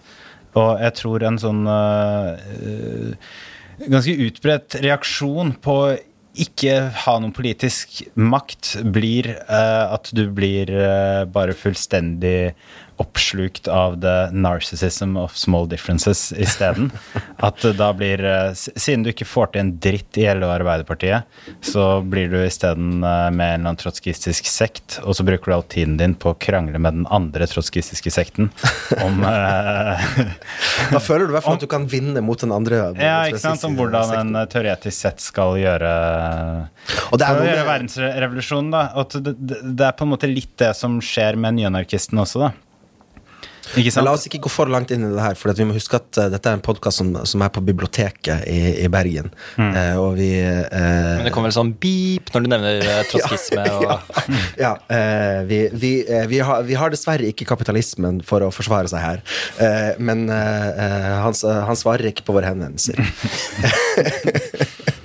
Så vi kan ikke kritisere kapitalismen for mye, da. Men gå, eh, la oss heller gå tilbake til der du startet. da At det er ikke bare kritikk av kapitalisten, eller kapitalismen, men kritikk av venstresiden, som er liksom en rød tråd i denne boken her. da At Mark Fisher på en måte diskuterer tendenser på venstresiden, enten de har sosialdemokratisk nostalgi etter fordismen, faste ansettelser eh, jobbe i samme bedrift hele livet ditt, eller disse protestkulturene som på en måte forlater det, men også er nostalgiske på sett og vis fordi de avfeier alt det nye som vi har fått faktisk da, med postfordismen. For eksempel podkaster, da, ikke sant, hvor man, hvor man ikke er. De er ikke anerkjent av NRK, ikke sant, så det går liksom utenom. Så det, så det er jeg tror det også er viktig med den boken, her, at venstresiden sto litt stille. da, eh, Og man opplevde den reaksjonen på den kapitalistiske realismen som Daniel beskriver som en slags fortvilelse, hvor man ender opp med disse lokale prosjektene. Mm. Og det Mark Fisher kan sies å være del av, er en diskusjon om hva skal en ny venstreside være. da, altså New Labour, ikke det, men New Left. da, Hva skal man kalle det? New New Left? Ja. Ja, hvor eh, det post-neo uh, Neo-marxism-aktige Ja. Uh, man kan i hvert fall ikke finne på noe nytt. Men vi må, vi må videre. Eh, fordi at eh, det som har på en måte gjort Mark Fisher til hva kan man si, ikke et husholdningsnavn i, i Norge, men i hvert fall et navn som veldig mange kjenner til, opplever jeg at det er eh, hans eh, kritikk av eh, privatiseringen av mental helse. Eh, og hans kritikk av, av eh, den forestillingen om at eh, bare du har forkl forklart depresjon med lavt serotoninnhold, så har du forklart depresjon. Altså da er vi Ja, ja, du har lavt serotoninnhold. Eh, det var synd for deg. Ta disse pillene og bli bedre. Det passer veldig bra med, med både at, at uh, alle problemer er individuelle, selvfølgelig, og det at uh, vi kan tjene penger på dine individuelle problemer. Jeg leste f.eks. En, en sak langt tilbake på NRK som jeg syns var helt absurd, hvor de, hvor de sa at de hadde funnet De, som alltid er en veldig interessant figur, de har eh, funnet ut hvorfor gravide kvinner craver eh, så rare mattyper. da. Og, og, og det var sånn, ah, gøyalt, for det er liksom sånn ting man vet, at gravide kvinner begynner å liksom, ah, like rar mat. Ah, gøy, de har funnet ut av det. Og så står det sånn, ja, det er fordi at eh, et senter i hjernen lyser opp eh, når de craver eh, eh, mat. Så da lyser dette senteret i hjernen opp, og da er det på en måte forklart ut fra den nevrobiologiske, nevropsykologiske modellen, da, som liksom er, er den transcendentale årsaken til alle våre eh, problemer. Eh, er liksom vår nevropsykologi. Da. Eh, og jeg føler det er der mye Mark Fisher har, har eh, si, blitt populær i Norge. Da. Man kan jo dra oss tilbake til Margaret Thatcher. Og um, hun uh, hadde jo skikkelig munnhell, kan man jo si. Så ikke bare sa hun Tina, men hun sa også at there is no society, only mm. individuals and their families. Mm. Uh, så, so, so, so det handler jo om, det handler jo om uh, også en sånn ontologi, da på samfunnsnivå. Hvordan tenker en om forholdet mellom individ og samfunn? Og eh, en kan jo si at eh, det postulatet til Margaret Thatcher eh, har vært ganske førende for hvordan en tenker om psykisk helse, mye mm. også. Ikke sant? Er det noe galt med deg, har du det dårlig, mm. så handler det om deg som individ og hva mm. som skjer oppi hjernen din. Eh, ikke sant? Så får man denne, disse forskningsprosjektene hvor man skanner hjerner og ser hva som lyser når, og mm. osv. Eh, hvorfor er du deprimert? Jo, fordi dette området i hjernen din lyser når vi skanner den. Ja, ikke sant? Det kan man fikse ved å tilføre en eller annen tablett som ja. øker serotoninnivåene dine, whatevs. Så jeg eh, føler at, eh, altså For det er en sånn voldsom kultur her ute for å snakke om, om der ute. Du vet, ute på gateplan det er sånn jeg får når jeg sitter oppe i manifestkontoret. Nede på karaokebaren? Ja, nede på karaokebaren og sånne ting. Så sitter det helt sikkert noen nå og snakker Ute i allmuen? Ja, så sitter det noen og snakker om, om, eh, om sine psykiske problemer. ikke sant? Altså, det, det er hele tiden sånn her Ja, ja, jeg ble Psykologen min sa, og så videre, og så videre. Mm. Uh, at det er en sånn her, For det er, liksom, vi skal snakke om det. ikke sant? Vi skal snakke om det hele tiden, men jeg opplever at det er litt sånn uh, det er mitt psykologiske problem. på en måte, Og du skal ikke ta fra meg eierskapet til det psykologiske problemet, og, og hvordan det har såret meg spesifikt. Og, og altså mm. At det er en form for uh, Det er nettopp Ja, det er individer, uh, men det er også individer som snakker med Altså, det er, det er en form for Heller enn å se sånn, hva er det pre-individuelle her. Liksom. Det som mm. har med hvordan begjærene våre og våre personligheter og våre eh, sykdommer eh, produseres av det vi deler. da. Så er det mer en sånn Vi skal gjennom eh, individet, og så kan vi snakke om det. liksom. Vi kan ikke snakke om det på det pre... Altså, for det er en sånn mm. postindividuell eh, samtale. Ikke, vi, kan, vi kan ikke snakke om hvordan måten vi organiserer samfunnet på, mm. former de sosiale relasjonene individer mm. imellom, og gjennom det individenes uh, følelsesliv, mm, mm. på en måte. Ja, og at det blir en sånn uh, ja, det blir en individuell samtale, eller det blir en samtale mellom individer. Så, så selv om man snakker veldig mye om det, og det er veldig sånn, sånn P3-aktig sånn, vi, må snakke om vi må snakke om sex, så må vi snakke om individuelle lidelser. Mm. Jeg lurer på om Mark Fisher skriver et sted at there is no such thing as individuality. eller, eller, individuals. Ja, ja. ja. Mm. At det er på en måte et, et produkt av, av en ideologisk uh, konstruert altså selvfølgelig, altså jeg, jeg, tror veldig på det at ideologi produserer eh, faktiske resultater. Da. Altså ja, at, ja, ja, ja, Men ikke, ikke, bare, ikke bare at det altså, Det er jo også det at liksom alt som er på innsiden av oss, speiler på en måte samfunnet utenfor. da. Mm. Uh, ja, så henger det også sammen med ikke sant, uh, Sentralt i den kapitalistiske realismen er jo det at det ikke finnes noe alternativ til kapitalismen. Kapitalismen er som været. Mm. Det er ikke noe vi kan ha kontroll over.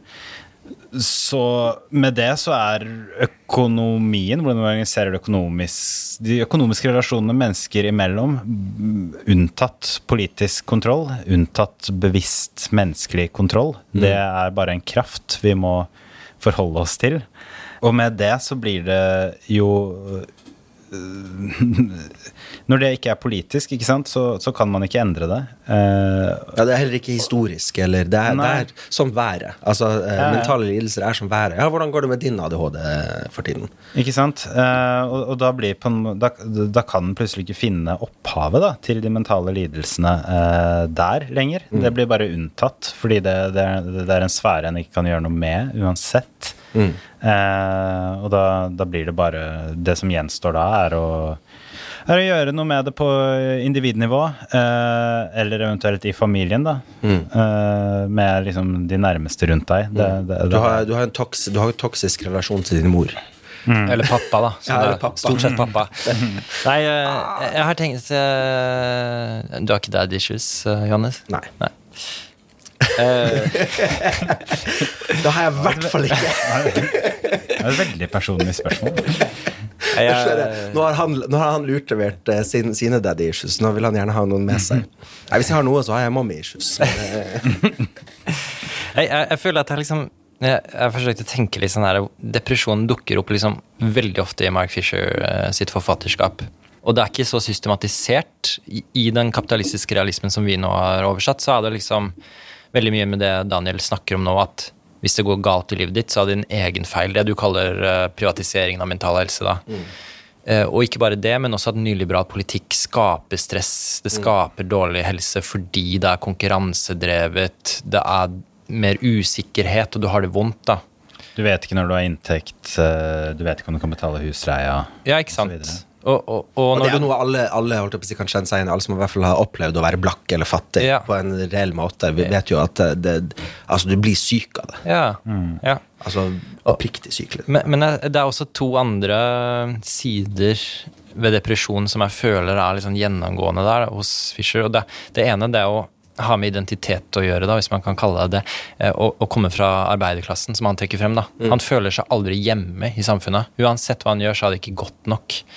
Så Det er derfor jeg ikke har daddy issues, fordi jeg kommer fra middelklassen. Ja, så du er- føler deg hjemme overalt, ikke sant? Men uh, middelklassen fins ikke. Nei, det, det lærte nettopp på et foredrag. i sted. eh, Ja, middelklassen finnes ikke. Ja. Nei, ikke sant? Så du, du, du føler deg utilpass, og Fischer beskriver selv liksom at øh, når han kom inn i akademia, så liksom, han var jo ikke noe akademiker, og mm. ting var kanskje ekstra komplisert for han, for han kom i en mellomposisjon, så han var jo heller ikke noe arbeider. Han var udugelig til alt, da. Men, men gjennomgående der, altså, altså sånn der, selv når han var på uh, psykiatrisk avdeling, så følte han sånn at han bare lurte seg til det. Han var ikke deprimert på god nok måte, skriver han da. Og det er jo nettopp at man kjenner til arbeidslinja, og at man liksom som også er liksom i psykisk helse, at man skal liksom presses og disiplineres, og man har lite tillit til borgerne sine. Og det rammer særlig folk fra arbeiderklassen, men også dette med at han mangler borgerlig selvsikkerhet, som det kalles. da. Så det er, det er den andre faktoren som jeg ville trukket fram med depresjon etter dette med nyliberalt stress, da, og at du er din egen lykkesmed. Og det tredje vil jeg kanskje sagt, det er mer sånn generell følelse av å leve i endetiden. da, Leve etter historien. ikke sant? At alt er bare helt jævlig. sånn som dere, Hvorfor kjeder vi oss, som dere sa i den første podkasten deres? Vi lever uh, ifølge Fisher i en tid som er like ille som 50-tallet. det er, altså det er, det er, Jo, men så er det samtidig den følelsen av at hva- har vi å klage på, liksom? Altså, hva har vi faktisk reelt å klage på? Ja, det er ganske mye å klage på at du mangler en fremtid, og at jorda holder på å gå til helvete, og at du har vondt i magen fordi du er frilanser, og ikke sant, at du ikke har noe Jo, men, det, men jeg er jo ikke Altså, jeg har en trygg jobb. Eller jeg har ikke en trygg jobb. i hvert fall så de neste fire årene. Neste fire årene etter det, så er det sikkert et helvete. Og, det er så mye kulturell kapital. og det er liksom sånn. Eneste gang du har hørt noe sånn virkelig progressivt sagt, så var det en komiker på Stortinget Eidsvolls plass. Så det er liksom ikke sant, Man lever i en tid hvor man ikke tror på fremtiden lenger. At tap Eh, av fremtid er ikke bare en si, kollektiv eh, politisk størrelse, det er også en personlig, men, mental størrelse. Ja, eller som vi allerede har vært inne på, så er det jo ikke noe skille mellom de, da. Så er, man kan jo kanskje snakke om sånn samfunnspsykologi, da.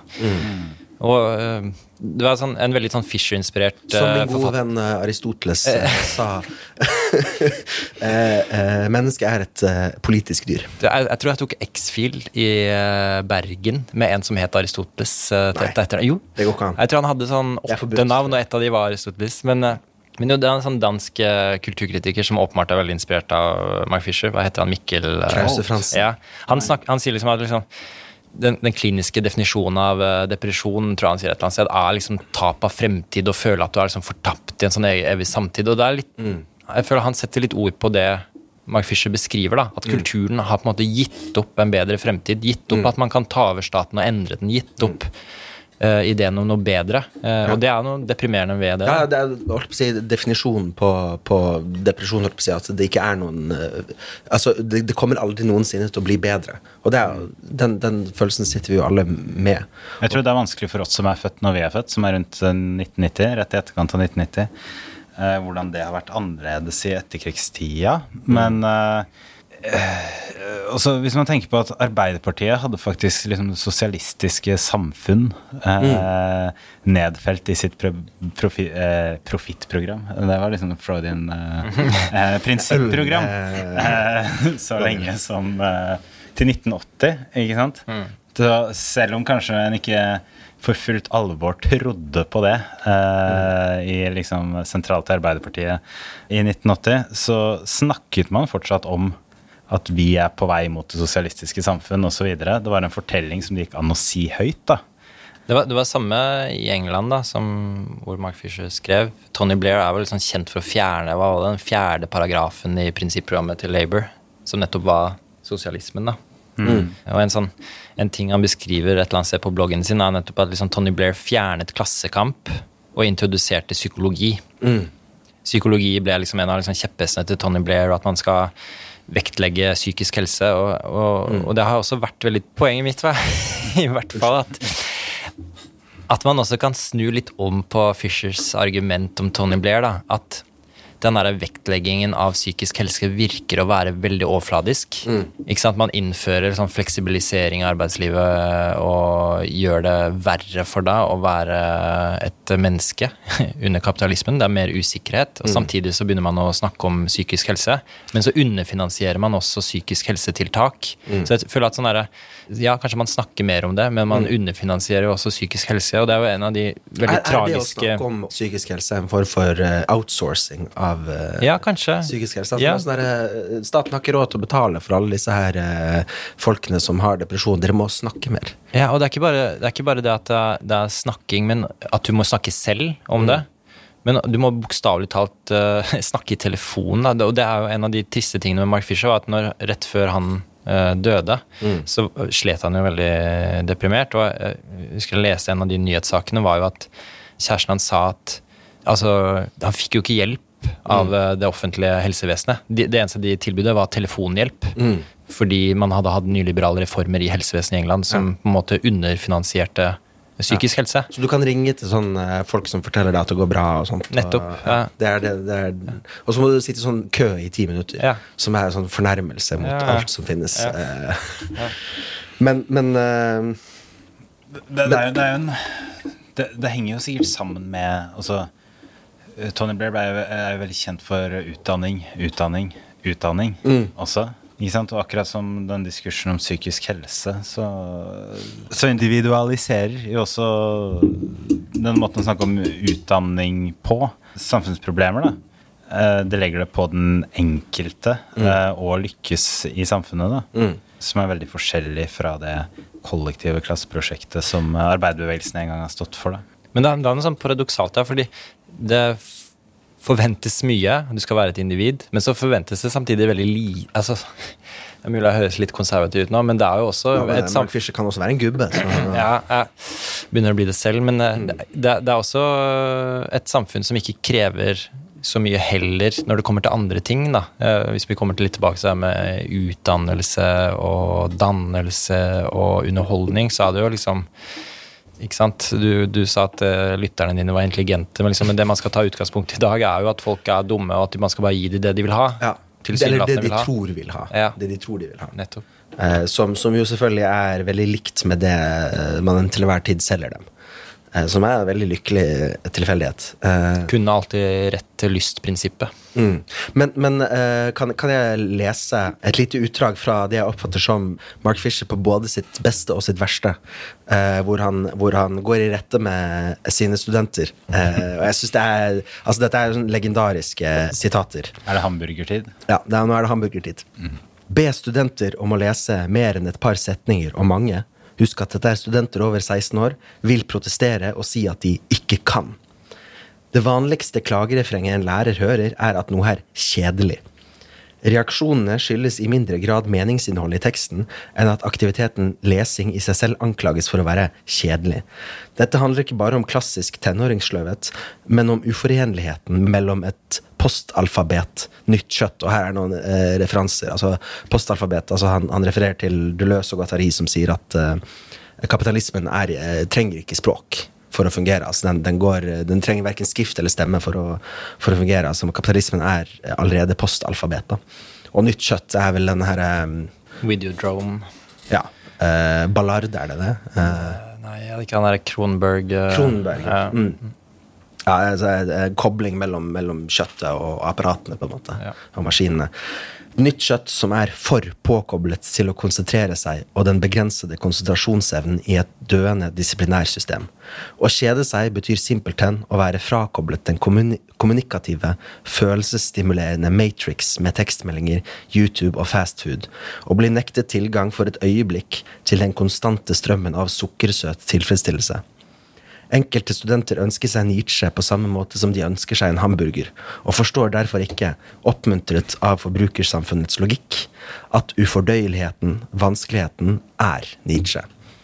Jeg synes det er et uh, flott uh, Altså, jeg Men det er litt sånn gubbete også. Det er ja, litt sånn, men uh, er det gubbete? Altså, det, er- det Det er er to litt sånn måter ungdommen nå til dags. ja, men, altså, La meg si sånn, Det er to måter å lese den setningen på. da Den ene er sånn derre Herregud, hvordan kan en autoritet snakke sånn om sine elever, og de burde spare blir spares krenket. De blir krenket, og han må kansellere Nei. Men han, ikke sant? At det er altfor strengt, og at han er gubbete, og sånn som Daniel sier, at alt Alt blir dårligere. Mm. Det var sånn eh, som man alltid har tenkt. Eller så kan man lese og tenke sånn Fy faen, jeg kjenner meg igjen i det her, da. Mm. Uh, og det gjør jeg at jeg, jeg, jeg må alltid være tilkoblet Hva kalte han det? Med Sukkermatrix, liksom. Ja. Jeg, jeg må alltid ha te med sukker og melk. Jeg må Den alltid kommunikative, ha følelsesstimulerende matrix. ja, jeg må alltid ha musikk eh, som er behagelig på ørene. Jeg må Ja, fy faen, det kjenner jeg på. Ja. At jeg kan liksom ikke hvis jeg, hvis jeg har sånn 20 minutter hvor jeg må gå fra et sted til et annet, oh, fy faen. og jeg er tom for batteri på hodetelefonene mine, så er det krise, liksom. Det er sånn, jeg kan ikke gå til det stedet fordi jeg ikke har batteri. Jeg må høre på musikk. Ja. Eh, så, så, vi, vi kjenner oss åpenbart igjen Ja, i ja, det her, da. ja, ja, ja. Og, og det sånn en, en, Og det å tro at dette her ikke Altså den, den faktiske forandringen i måten vi lever på, ikke har en faktisk forandring i måten vi erfarer og tenker og føler på. Altså Selvfølgelig har det det. Selvfølgelig er det en kvalitativ ny eh, holdt jeg på å si, Et nytt subjekt eh, som, som skapes her. nå. Ja. Men jeg hadde lyst til å, til, til å si i forbindelse med eh, Egentlig med dette og det du sa eh, før, Alf Jørgen, eh, om eh, Altså jeg tror mye av, eh, For jeg leste nettopp 'Vitnesbyrd eh, fra velferdsstaten' av eh, Tua Andersen Neksø, som er egentlig den lesning av eh, dansk litteratur. Og hovedpoenget der er at med nyliberalismen så får man en eh, hva kan man si, altså den, den tanken om en borger som man hadde i det sosialdemokratiske kapitalistiske samfunnet fra 45 til 60-70, 70-tallet, eh, så var man en borger, og det var statens rolle å utdanne og danne borgerne. Eh, og dermed hadde man også forfattere som snakket liksom fra den utdannede posisjon til liksom borgerne, sånn at de også kunne utdanne seg. Og det var et felles prosjekt.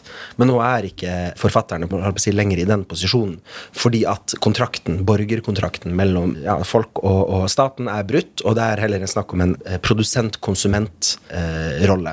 Eh, borgerne, altså at man Heller enn å være en borger, så er man en produsent-konsument. Og da, I den forstand så er det sånn, Enten så produserer man, og da gjør man det man får beskjed om, eller så konsumerer man, og da har man krav på visse komforter. da. Eh, og, og spesielt sånn med studenter og med utdanning, så er jo, så er jo elevene og studentene blitt eh, produsenter, konsumenter. da. Men, men det var eh, ja. Ja, ikke sant? Fordi man, eh, man kjøper en tjeneste når man studerer, Ja. og mm, man studerer for eh, å bli eh, nyttig for næringslivet og Mm. være produktiv. Ja, og, og det er en helt annen kontrakt enn borgerkontrakten. da. Eh, hvor hvor man studerer for å bidra til samfunnet, og man eh, eh, På en eller annen måte. Eh, Så du kan eh, Ja, litt sånn Marks eh, bruksverdi og bytteverdi, ja. på en måte. Og, og det tenkte jeg også på i forbindelse med mental helse, at, at mental helse i likhet med varen er, ut, eh, er eh, utsatt for en form for varefetisjisme, eller en form for mental helsefetisjisme. Heller enn å se eh, jeg å si, den, den sosiale relasjonen som ligger til grunn for den mentale helsen, så ser man bare jeg å si, objektet, varen, produktet, eh, som er eh, den individuelle personens manglende evne til å produsere i, i eh, det kapitalistiske samfunnet.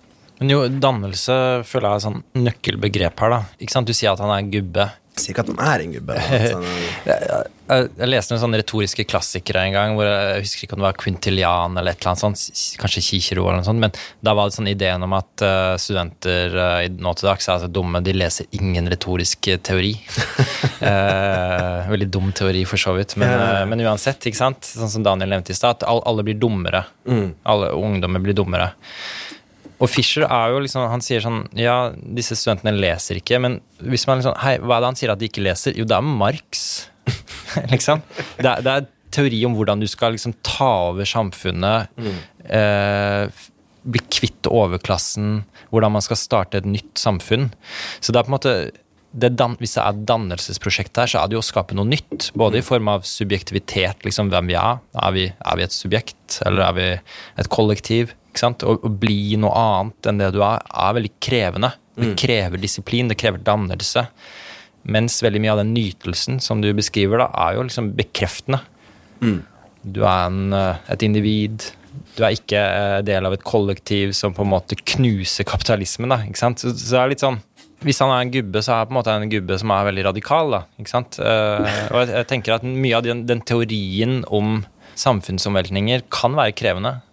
Og det er noe vi ikke kan kimse av. det det, er også som Badiou og Zizek-poeng også, at, at bli, du er ikke et subjekt bare sånn når du blir født, liksom. Du blir et subjekt ved å ta på deg noe som er større enn deg selv. Altså Du blir et subjekt ved å inngå i noe som er større enn deg selv. på en måte Eller som Badiou sier, ved, å- ved å underlegge deg en sannhetsprosedyre. Og han har liksom fire sannhetsprosedyrer, som er liksom kjærligheten, eh, vitenskapen, kunsten så husker jeg ikke den siste. Men, men eh, det er liksom Altså det er ved å underlegge seg en sannhetsprosedyre, ved å underlegge seg en, en, en, en ting som er større enn deg selv, at du blir et subjekt. Du Ja. er ikke et subjekt på forhånd. Vi er tilbake på ontologi nå, da. Ikke sant? For Margaret Thatcher sier at uh, det, er ikke det finnes ikke noe annet enn individer og deres familier. Mens vi ville jo si, uh, som sosialister og gode uh, marxiste-hegelianere, Nå er ikke kapitalismen her for å svare for seg, så Nei, nei, nei. At vi eh, Kapitalismen fins ikke som et subjekt som kan svare for seg. da. Ja. Ikke sant? Vi, Kapittel vi, åtte. vi konstituerer jo hverandre hele tiden i relasjon med hverandre. eh, Ikke sant? Som det kjente Marx-postulatet fra Det kommunistiske manifest, vel, sier at eh, man makes his own history, but not under conditions of his own choosing. Ikke sant? Man er hele tiden i relasjon til noen uh, forutsetninger. Uh, og de forutsetningene består i stor grad av andre mennesker. Og de eh, bestemmer hva du kan gjøre, og hvem du er, hvordan du tenker, osv.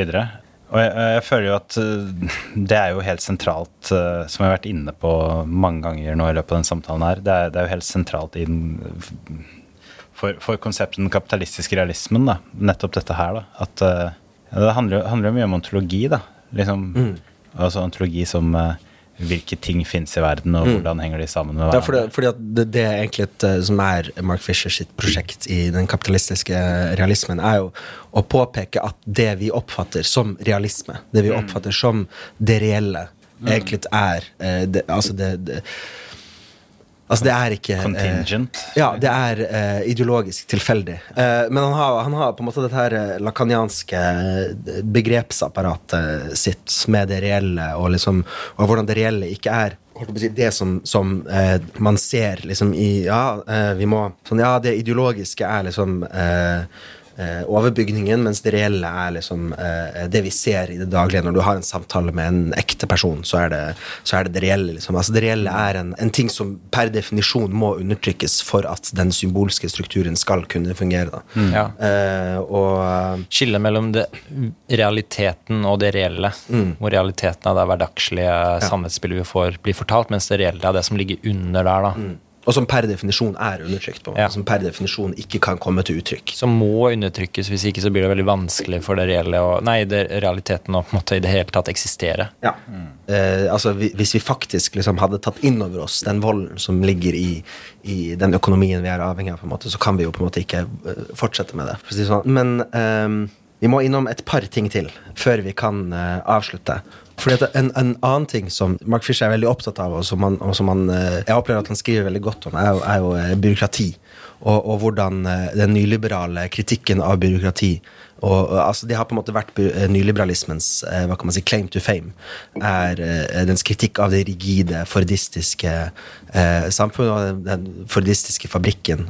Og at den liksom skulle eh, frigjøre oss fra dette byråkratiet. da. Men alle som holdt jeg på å si, eksisterer, har jo erfart at byråkratiet på ingen måte har blitt mindre. og jeg han bruker litt Kafka for å, for å beskrive det her. eh, Og hvordan Kafka er si, den som profetisk på en måte har sett hvordan, hvordan dette nyliberale eh, samfunnet Eller hvordan bortfallet av faren da, eh, bortfallet av den modernistiske faren på ingen måte leder til en, en, en frigjøring, men mer en, altså en diffusjon av eh, Eller en desentralisering av makten.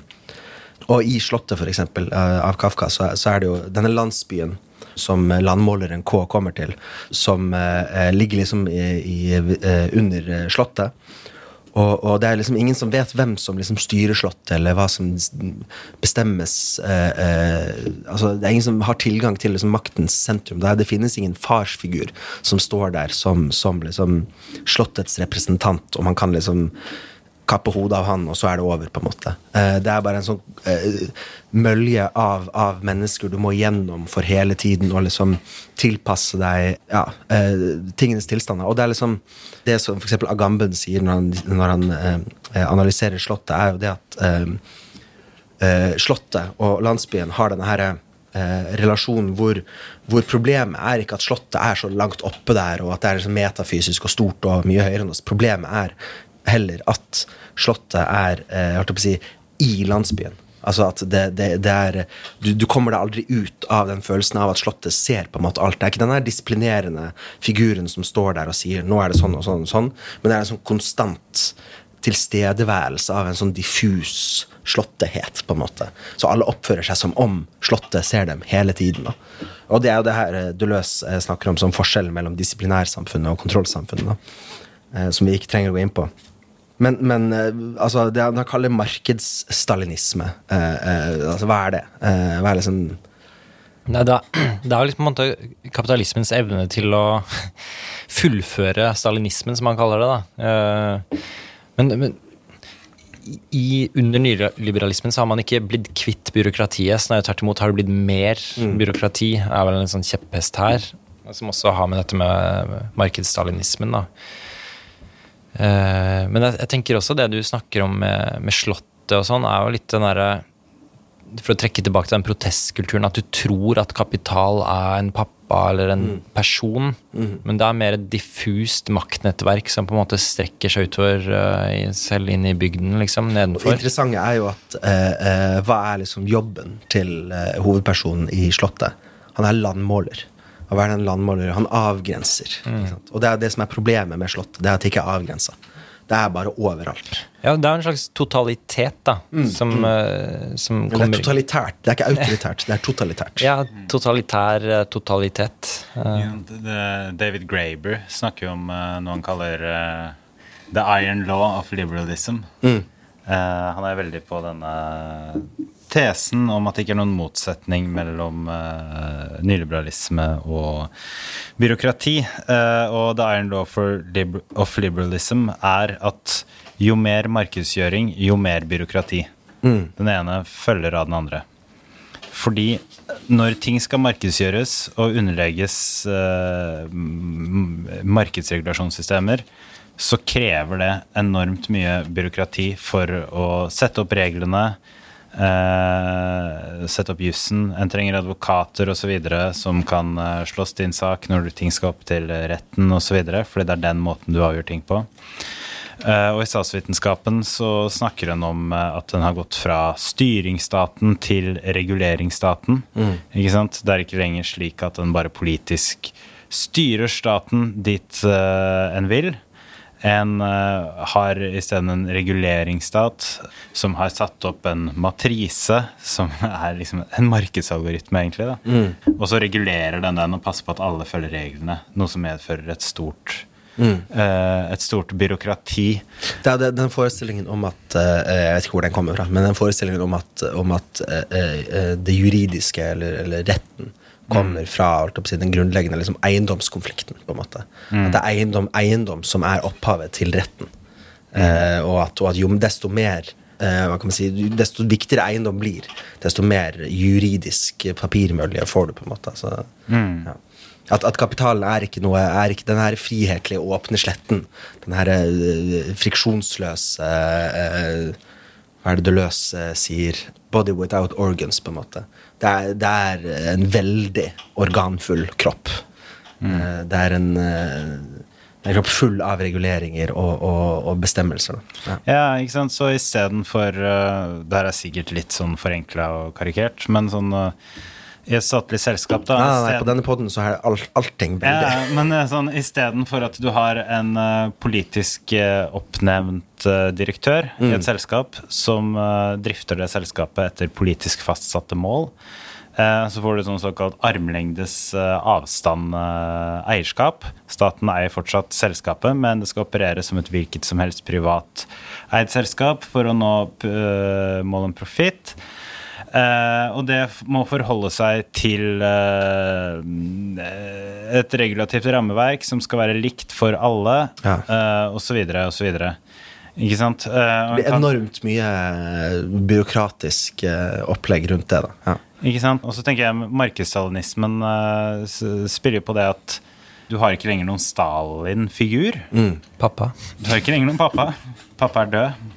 Men eh, pappa lever i markedet. Pappa lever i denne ubestemmelige, allstedsnærværende strukturen Altså, som du heller- ikke klarer helt å sette pekefingeren på. da. Vil du heller ha en far som sånn, kommer inn på rommet ditt sånn innimellom og sier sånn Hei, slutt med det!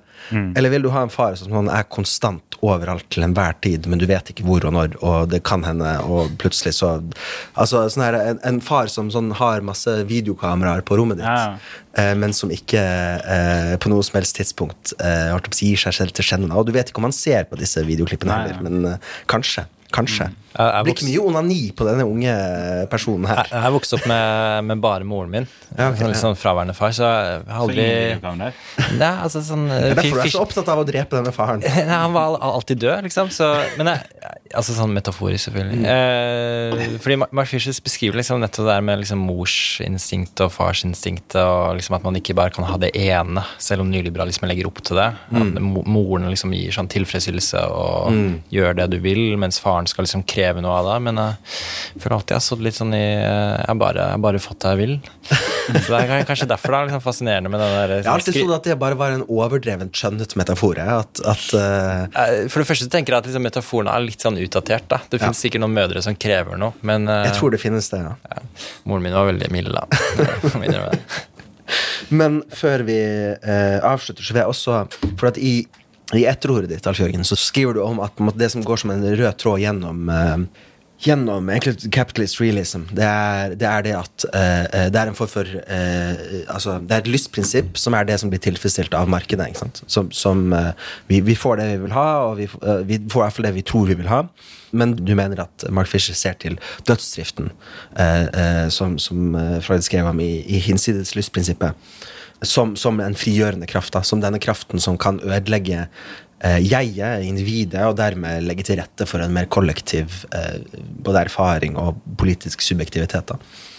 Eh, mens, mens min tanke altså, nå var Den siste episoden vi hadde, så snakket jeg om at eh, dødsdriften var den her gjentagelsestvangen. Altså Når du ser på treningssentre og sånne ting, for eksempel, For meg er det en form for dødsdrift å trene.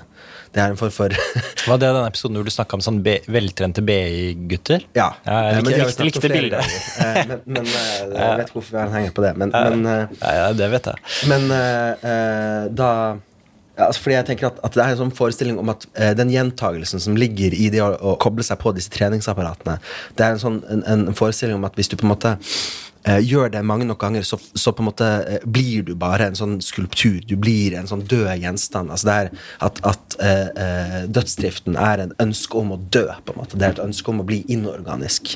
Det er et ønske om å slippe all den erfaringen og, og, og, og lidelsen altså, som, som, som livet medfører. Eh, Så jeg ser jo på det som, som et iboende, frigjørende eh, prinsipp. da. Men hvis jeg skal fullføre tanken, så tenker jeg at, at eh, det han heller skiller mellom, er den dødsdriften som ligger i, i capitalist realism, som ligger i den kapitalistiske realismen. Så slik den er nå, hvor du får på en måte gjentagelsestvangen din eh, tilfredsstilt. Du får på en måte gjentatt den samme, samme tingen om og om igjen. Du kan kjøpe den samme tingen, du kan kjøpe nye ting og som er egentlig det samme, og du kan pusse opp huset ditt om og om igjen til det blir eh, si, ditt mausoleum. Eh, eh, eller, eh, eh, eller så er liksom det han ser for seg, at dødsdriften kan frigjøres da, fra denne kapitalistiske realismen. Men, men jeg vet ikke hva du tenker om den tolkningen. Ja, fordi Igjen og igjen så sier han sånn der eksempel om de studentene du Den passasjen du siterte i sted, hvor han beskriver sine studenter. Det han sier at de mangler, det er liksom villigheten til å gå hinsides lystprinsippet. De, de går bare for lystprinsippet. De vil, de vil ha Nietzsche som om det var hamburger, som han skriver. Eh, du vil bare ha nytelse. Du vil ha det på en måte det, det umiddelbare som psyken din vil ha. Og jeg, jeg føler det, det er liksom sånn Det går igjen og igjen hos Fischer. Det, det er liksom, vi, vi må gjøre noe mer enn det. Vi kan ikke bare ha nytelse. Vi må gå hinsides lystprinsippet. Og så hvis du da hvis, hvis du leser Freuds bok 'Hinsides lystprinsippet', så er jo det en liten labyrint i seg selv. Ja. Det er jo en, en spekulativ bok hvor han liksom da beskriver dette hinsides lystprinsippet som dødsdriften, da. Først hadde han tenkt at liksom kroppen bare ville ha, følge lystprinsippet, men så viser det seg at nei, det er, det er noe mer komplisert med mennesket. Det er, noe, det er ikke bare det. Det er ikke bare bekreftelse. Og jeg ville kanskje tenkt på disse, de, de som trener og spiser sånn proteinshakes og godteri og Netflix og Det er merkelig, de klarer ikke å gjøre begge deler samtidig. De følger jo på en måte et slags lystprinsipp, men så gjør det å ikke følge lystprinsippet er kanskje noe annet, da. Noe, noe mer subjektivitetssprengende. Så det Fisher beskriver med hinsides lystprinsippet, er jo nettopp det, liksom det krevende som på en måte ikke bekrefter den du er. Det, det gjør noe helt annet. Det tar deg ut av deg selv. Og det, Freud, i denne lille merkelige boken sin, beskriver jo det som en slags sånn impuls i livet som oppstår etter livet oppsto, til å ønske å gå tilbake til ikke-liv, eller inorganisk liv, som han kaller det. Uh, og, og det er på en måte det han Freud beskriver, er en slags menneskets merkverdige måte til å liksom gå ra stadig mer bisarre veier tilbake til ikke-liv. Det er helt sånn uh, Men, men, merkelig men hvordan kan det være radikalt, da? Å gå tilbake til ikke-liv, liksom? Altså, jeg, jeg- jeg tror sånn- som- men, men man må også, altså, det tenker jeg at man må historisere Freud, da. For han Ja. skriver jo om, om Eller han skriver med utgangspunkt i, i uh, Wiens overklasse og deres nevroser. Og, der, og spesielt etter første verdenskrig så blir på en måte dødsdriften eh, en, en form for en måte å prøve å slippe unna den, den evinnelige lidelsen som disse verdenskrigene og det, det Altså ja, det samfunnet produserte. Men, men jeg tenker jo at, at det Mark Fisher til en viss grad gjør når han bruker dette hinsides som, som en, en frigjøringsplattform, er å tenke at, at uh, dødsdriften er potensielt en, en radikal kraft. Altså Nettopp fordi at den går imot selve. på en måte. Den går imot helheten til selve til en viss grad. Men samtidig så er det også en, en eh, en kraft som veldig lett kan eh, brukes i en kapitalistisk, realistisk si, eh, maksime, eller matrix. Eh, at den er gjentagelsen. Altså det å bli inorganisk når vi sitter og scroller på Instagram og, og, og Facebook osv. Det vi erfarer da, er å bli inorganiske. Vi erfarer å bli kjøttløse. Vi erfarer å bli kroppsløse. Altså vi, vi slipper å forholde oss til vår egen eksistens lidelse, og kan heller eh, eh, bare være i, i matrixen, på en måte. Det, det er mulig at du burde vært redaktør for det etter ordet hvis jeg har liksom tolket dødsdriften helt feil, men jeg, jeg tenker at det du beskriver der, er på en måte lystprinsippet. eh, hvor du på en måte får veldig lite motstand. Dødsdrifta er nettopp Men du nettopp koser deg jo ikke når du scroller på Instagram. Du har det, ikke noe, det er ikke noe Ja, Det kommer an på hvor mye potetgull du har. og sånn da. uh, mens dø- dødsdriften er på en måte sånn, litt sånn, der, litt sånn naturstridige det er mer, Sånn jeg leser det, liksom at han kobler til dannelsesideen uh, sin da, om at liksom, man skal bli noe annet enn det man er. Man skal ikke ha den nytelsen, man skal gjøre det liksom, tyngre, stadig tyngre vei mot død. Men jeg, Men- jeg tenker sånn at han, det, Dette er en sånn genealogi, eller hva skal man si, en tradisjon i Fisher hvor han liksom sikkert har noen uh, diskusjoner med Nick Land, og det var mye snakk Mm. om dødsdriften i CCRU. Nick Land mente jo at liksom kapitalismen var drevet av dødsdrift. Uh, Mm. Men jeg liksom, tenker jo at hans prosjekt, altså Mark Fishers prosjekt er å frigjøre dødsdriften fra den kapitalistiske realismen. Det han sier er at dødsdriften må gis en retning, og det er sosialisme. Nick Land mener at kapitalismen er dødsdrift. Den skaper og ødelegger samtidig, og den kommer til å bare eksplodere i eh, et Altså den kommer til å ødelegge seg selv, men det er hele poenget. Mens Fisher er jo mer sånn Vi må gi den begjæret her en slags sosialistisk retning. Og det er det Nick Land ikke gjør. da, ikke sant? Han sier jo at bare la kapitalismen holde på, så blir det bra til slutt. Men det blir jo bare dritt til slutt, da. ikke- Jeg, tror ikke, jeg, jeg føler ikke Nick Land sier at det blir bra til slutt, men det blir Nei, ja, noe annet. ja, det blir, eh, det blir noen datamaskiner og Ja. Men- klimakatastrofe. Jeg tror, vi vi må- fortsatt, jeg tror vi fortsatt venter på juryen hva gjelder hva dødsdriften betyr.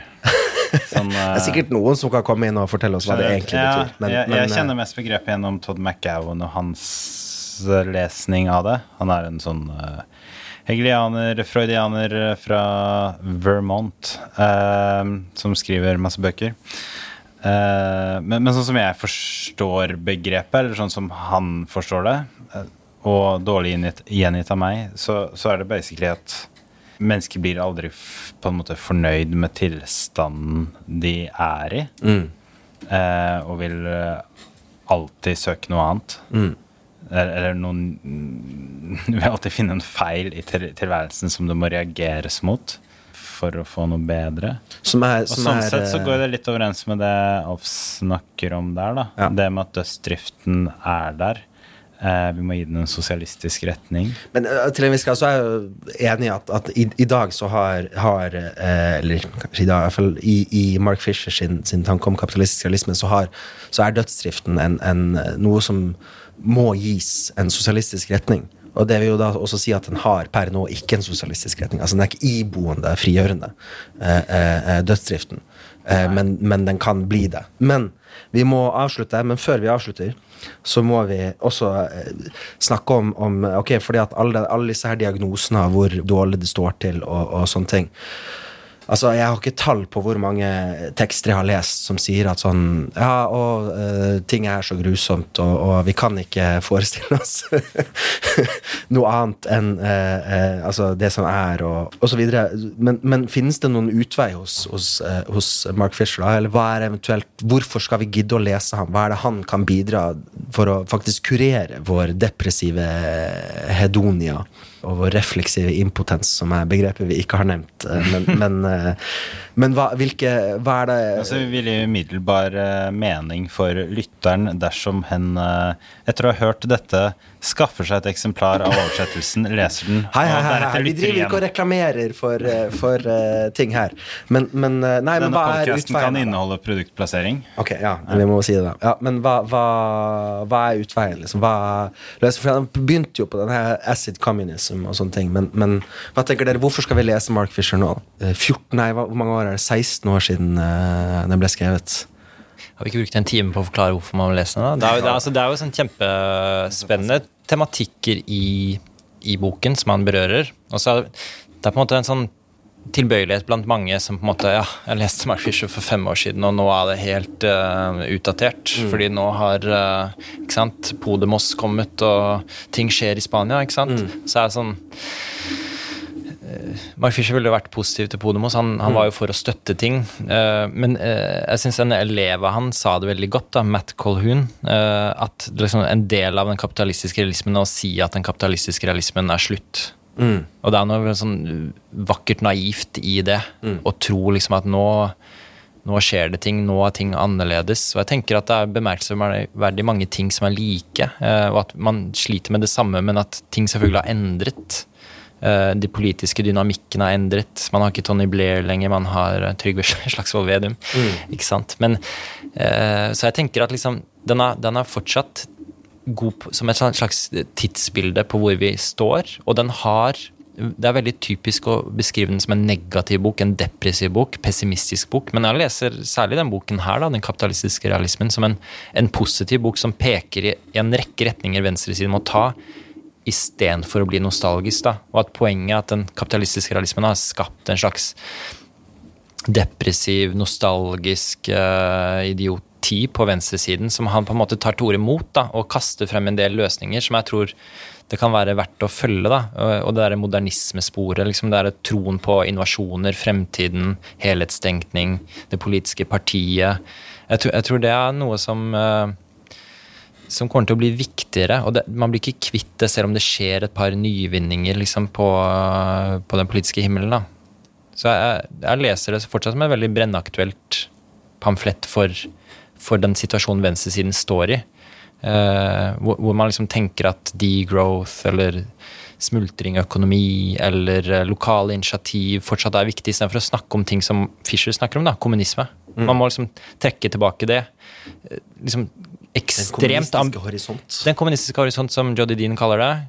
Det er der Fischer vil. Han, han, vil liksom tilbake til en sånn type tenkning. da. Liksom, hvordan kan man bruke kybernetisk teori til å planlegge et annet samfunn? Hvordan kan man bruke Facebook til å snu om på samfunnet? Og jeg tenker at Det er et annet prosjekt enn veldig mye av det venstresiden holder på med i dag. da. Daniel?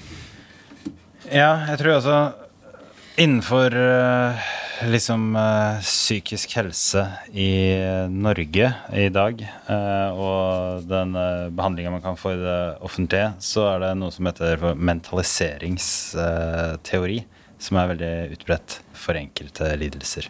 Og der er det et helt sånn sentralt postulat at det finnes uh, x antall, sånn type 500 ulike retninger innenfor psykologien i dag. Det er ikke så jævla viktig hvilken av de du velger. Det viktige er at du setter deg ned sammen med noen og snakker om hvordan du har det, og hvorfor du har det sånn, osv., og, så videre, og reflekterer over din egen situasjon.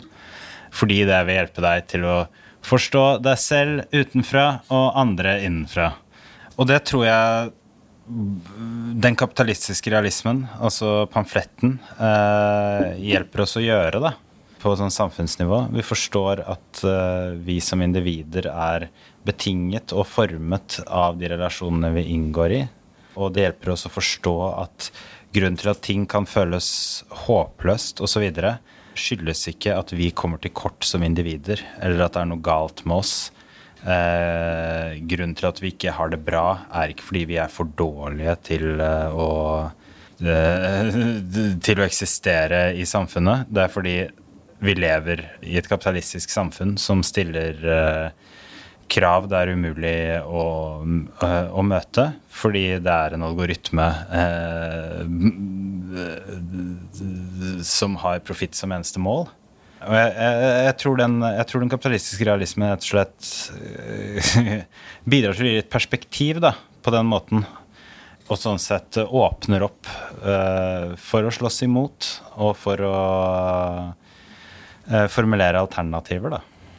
Mm.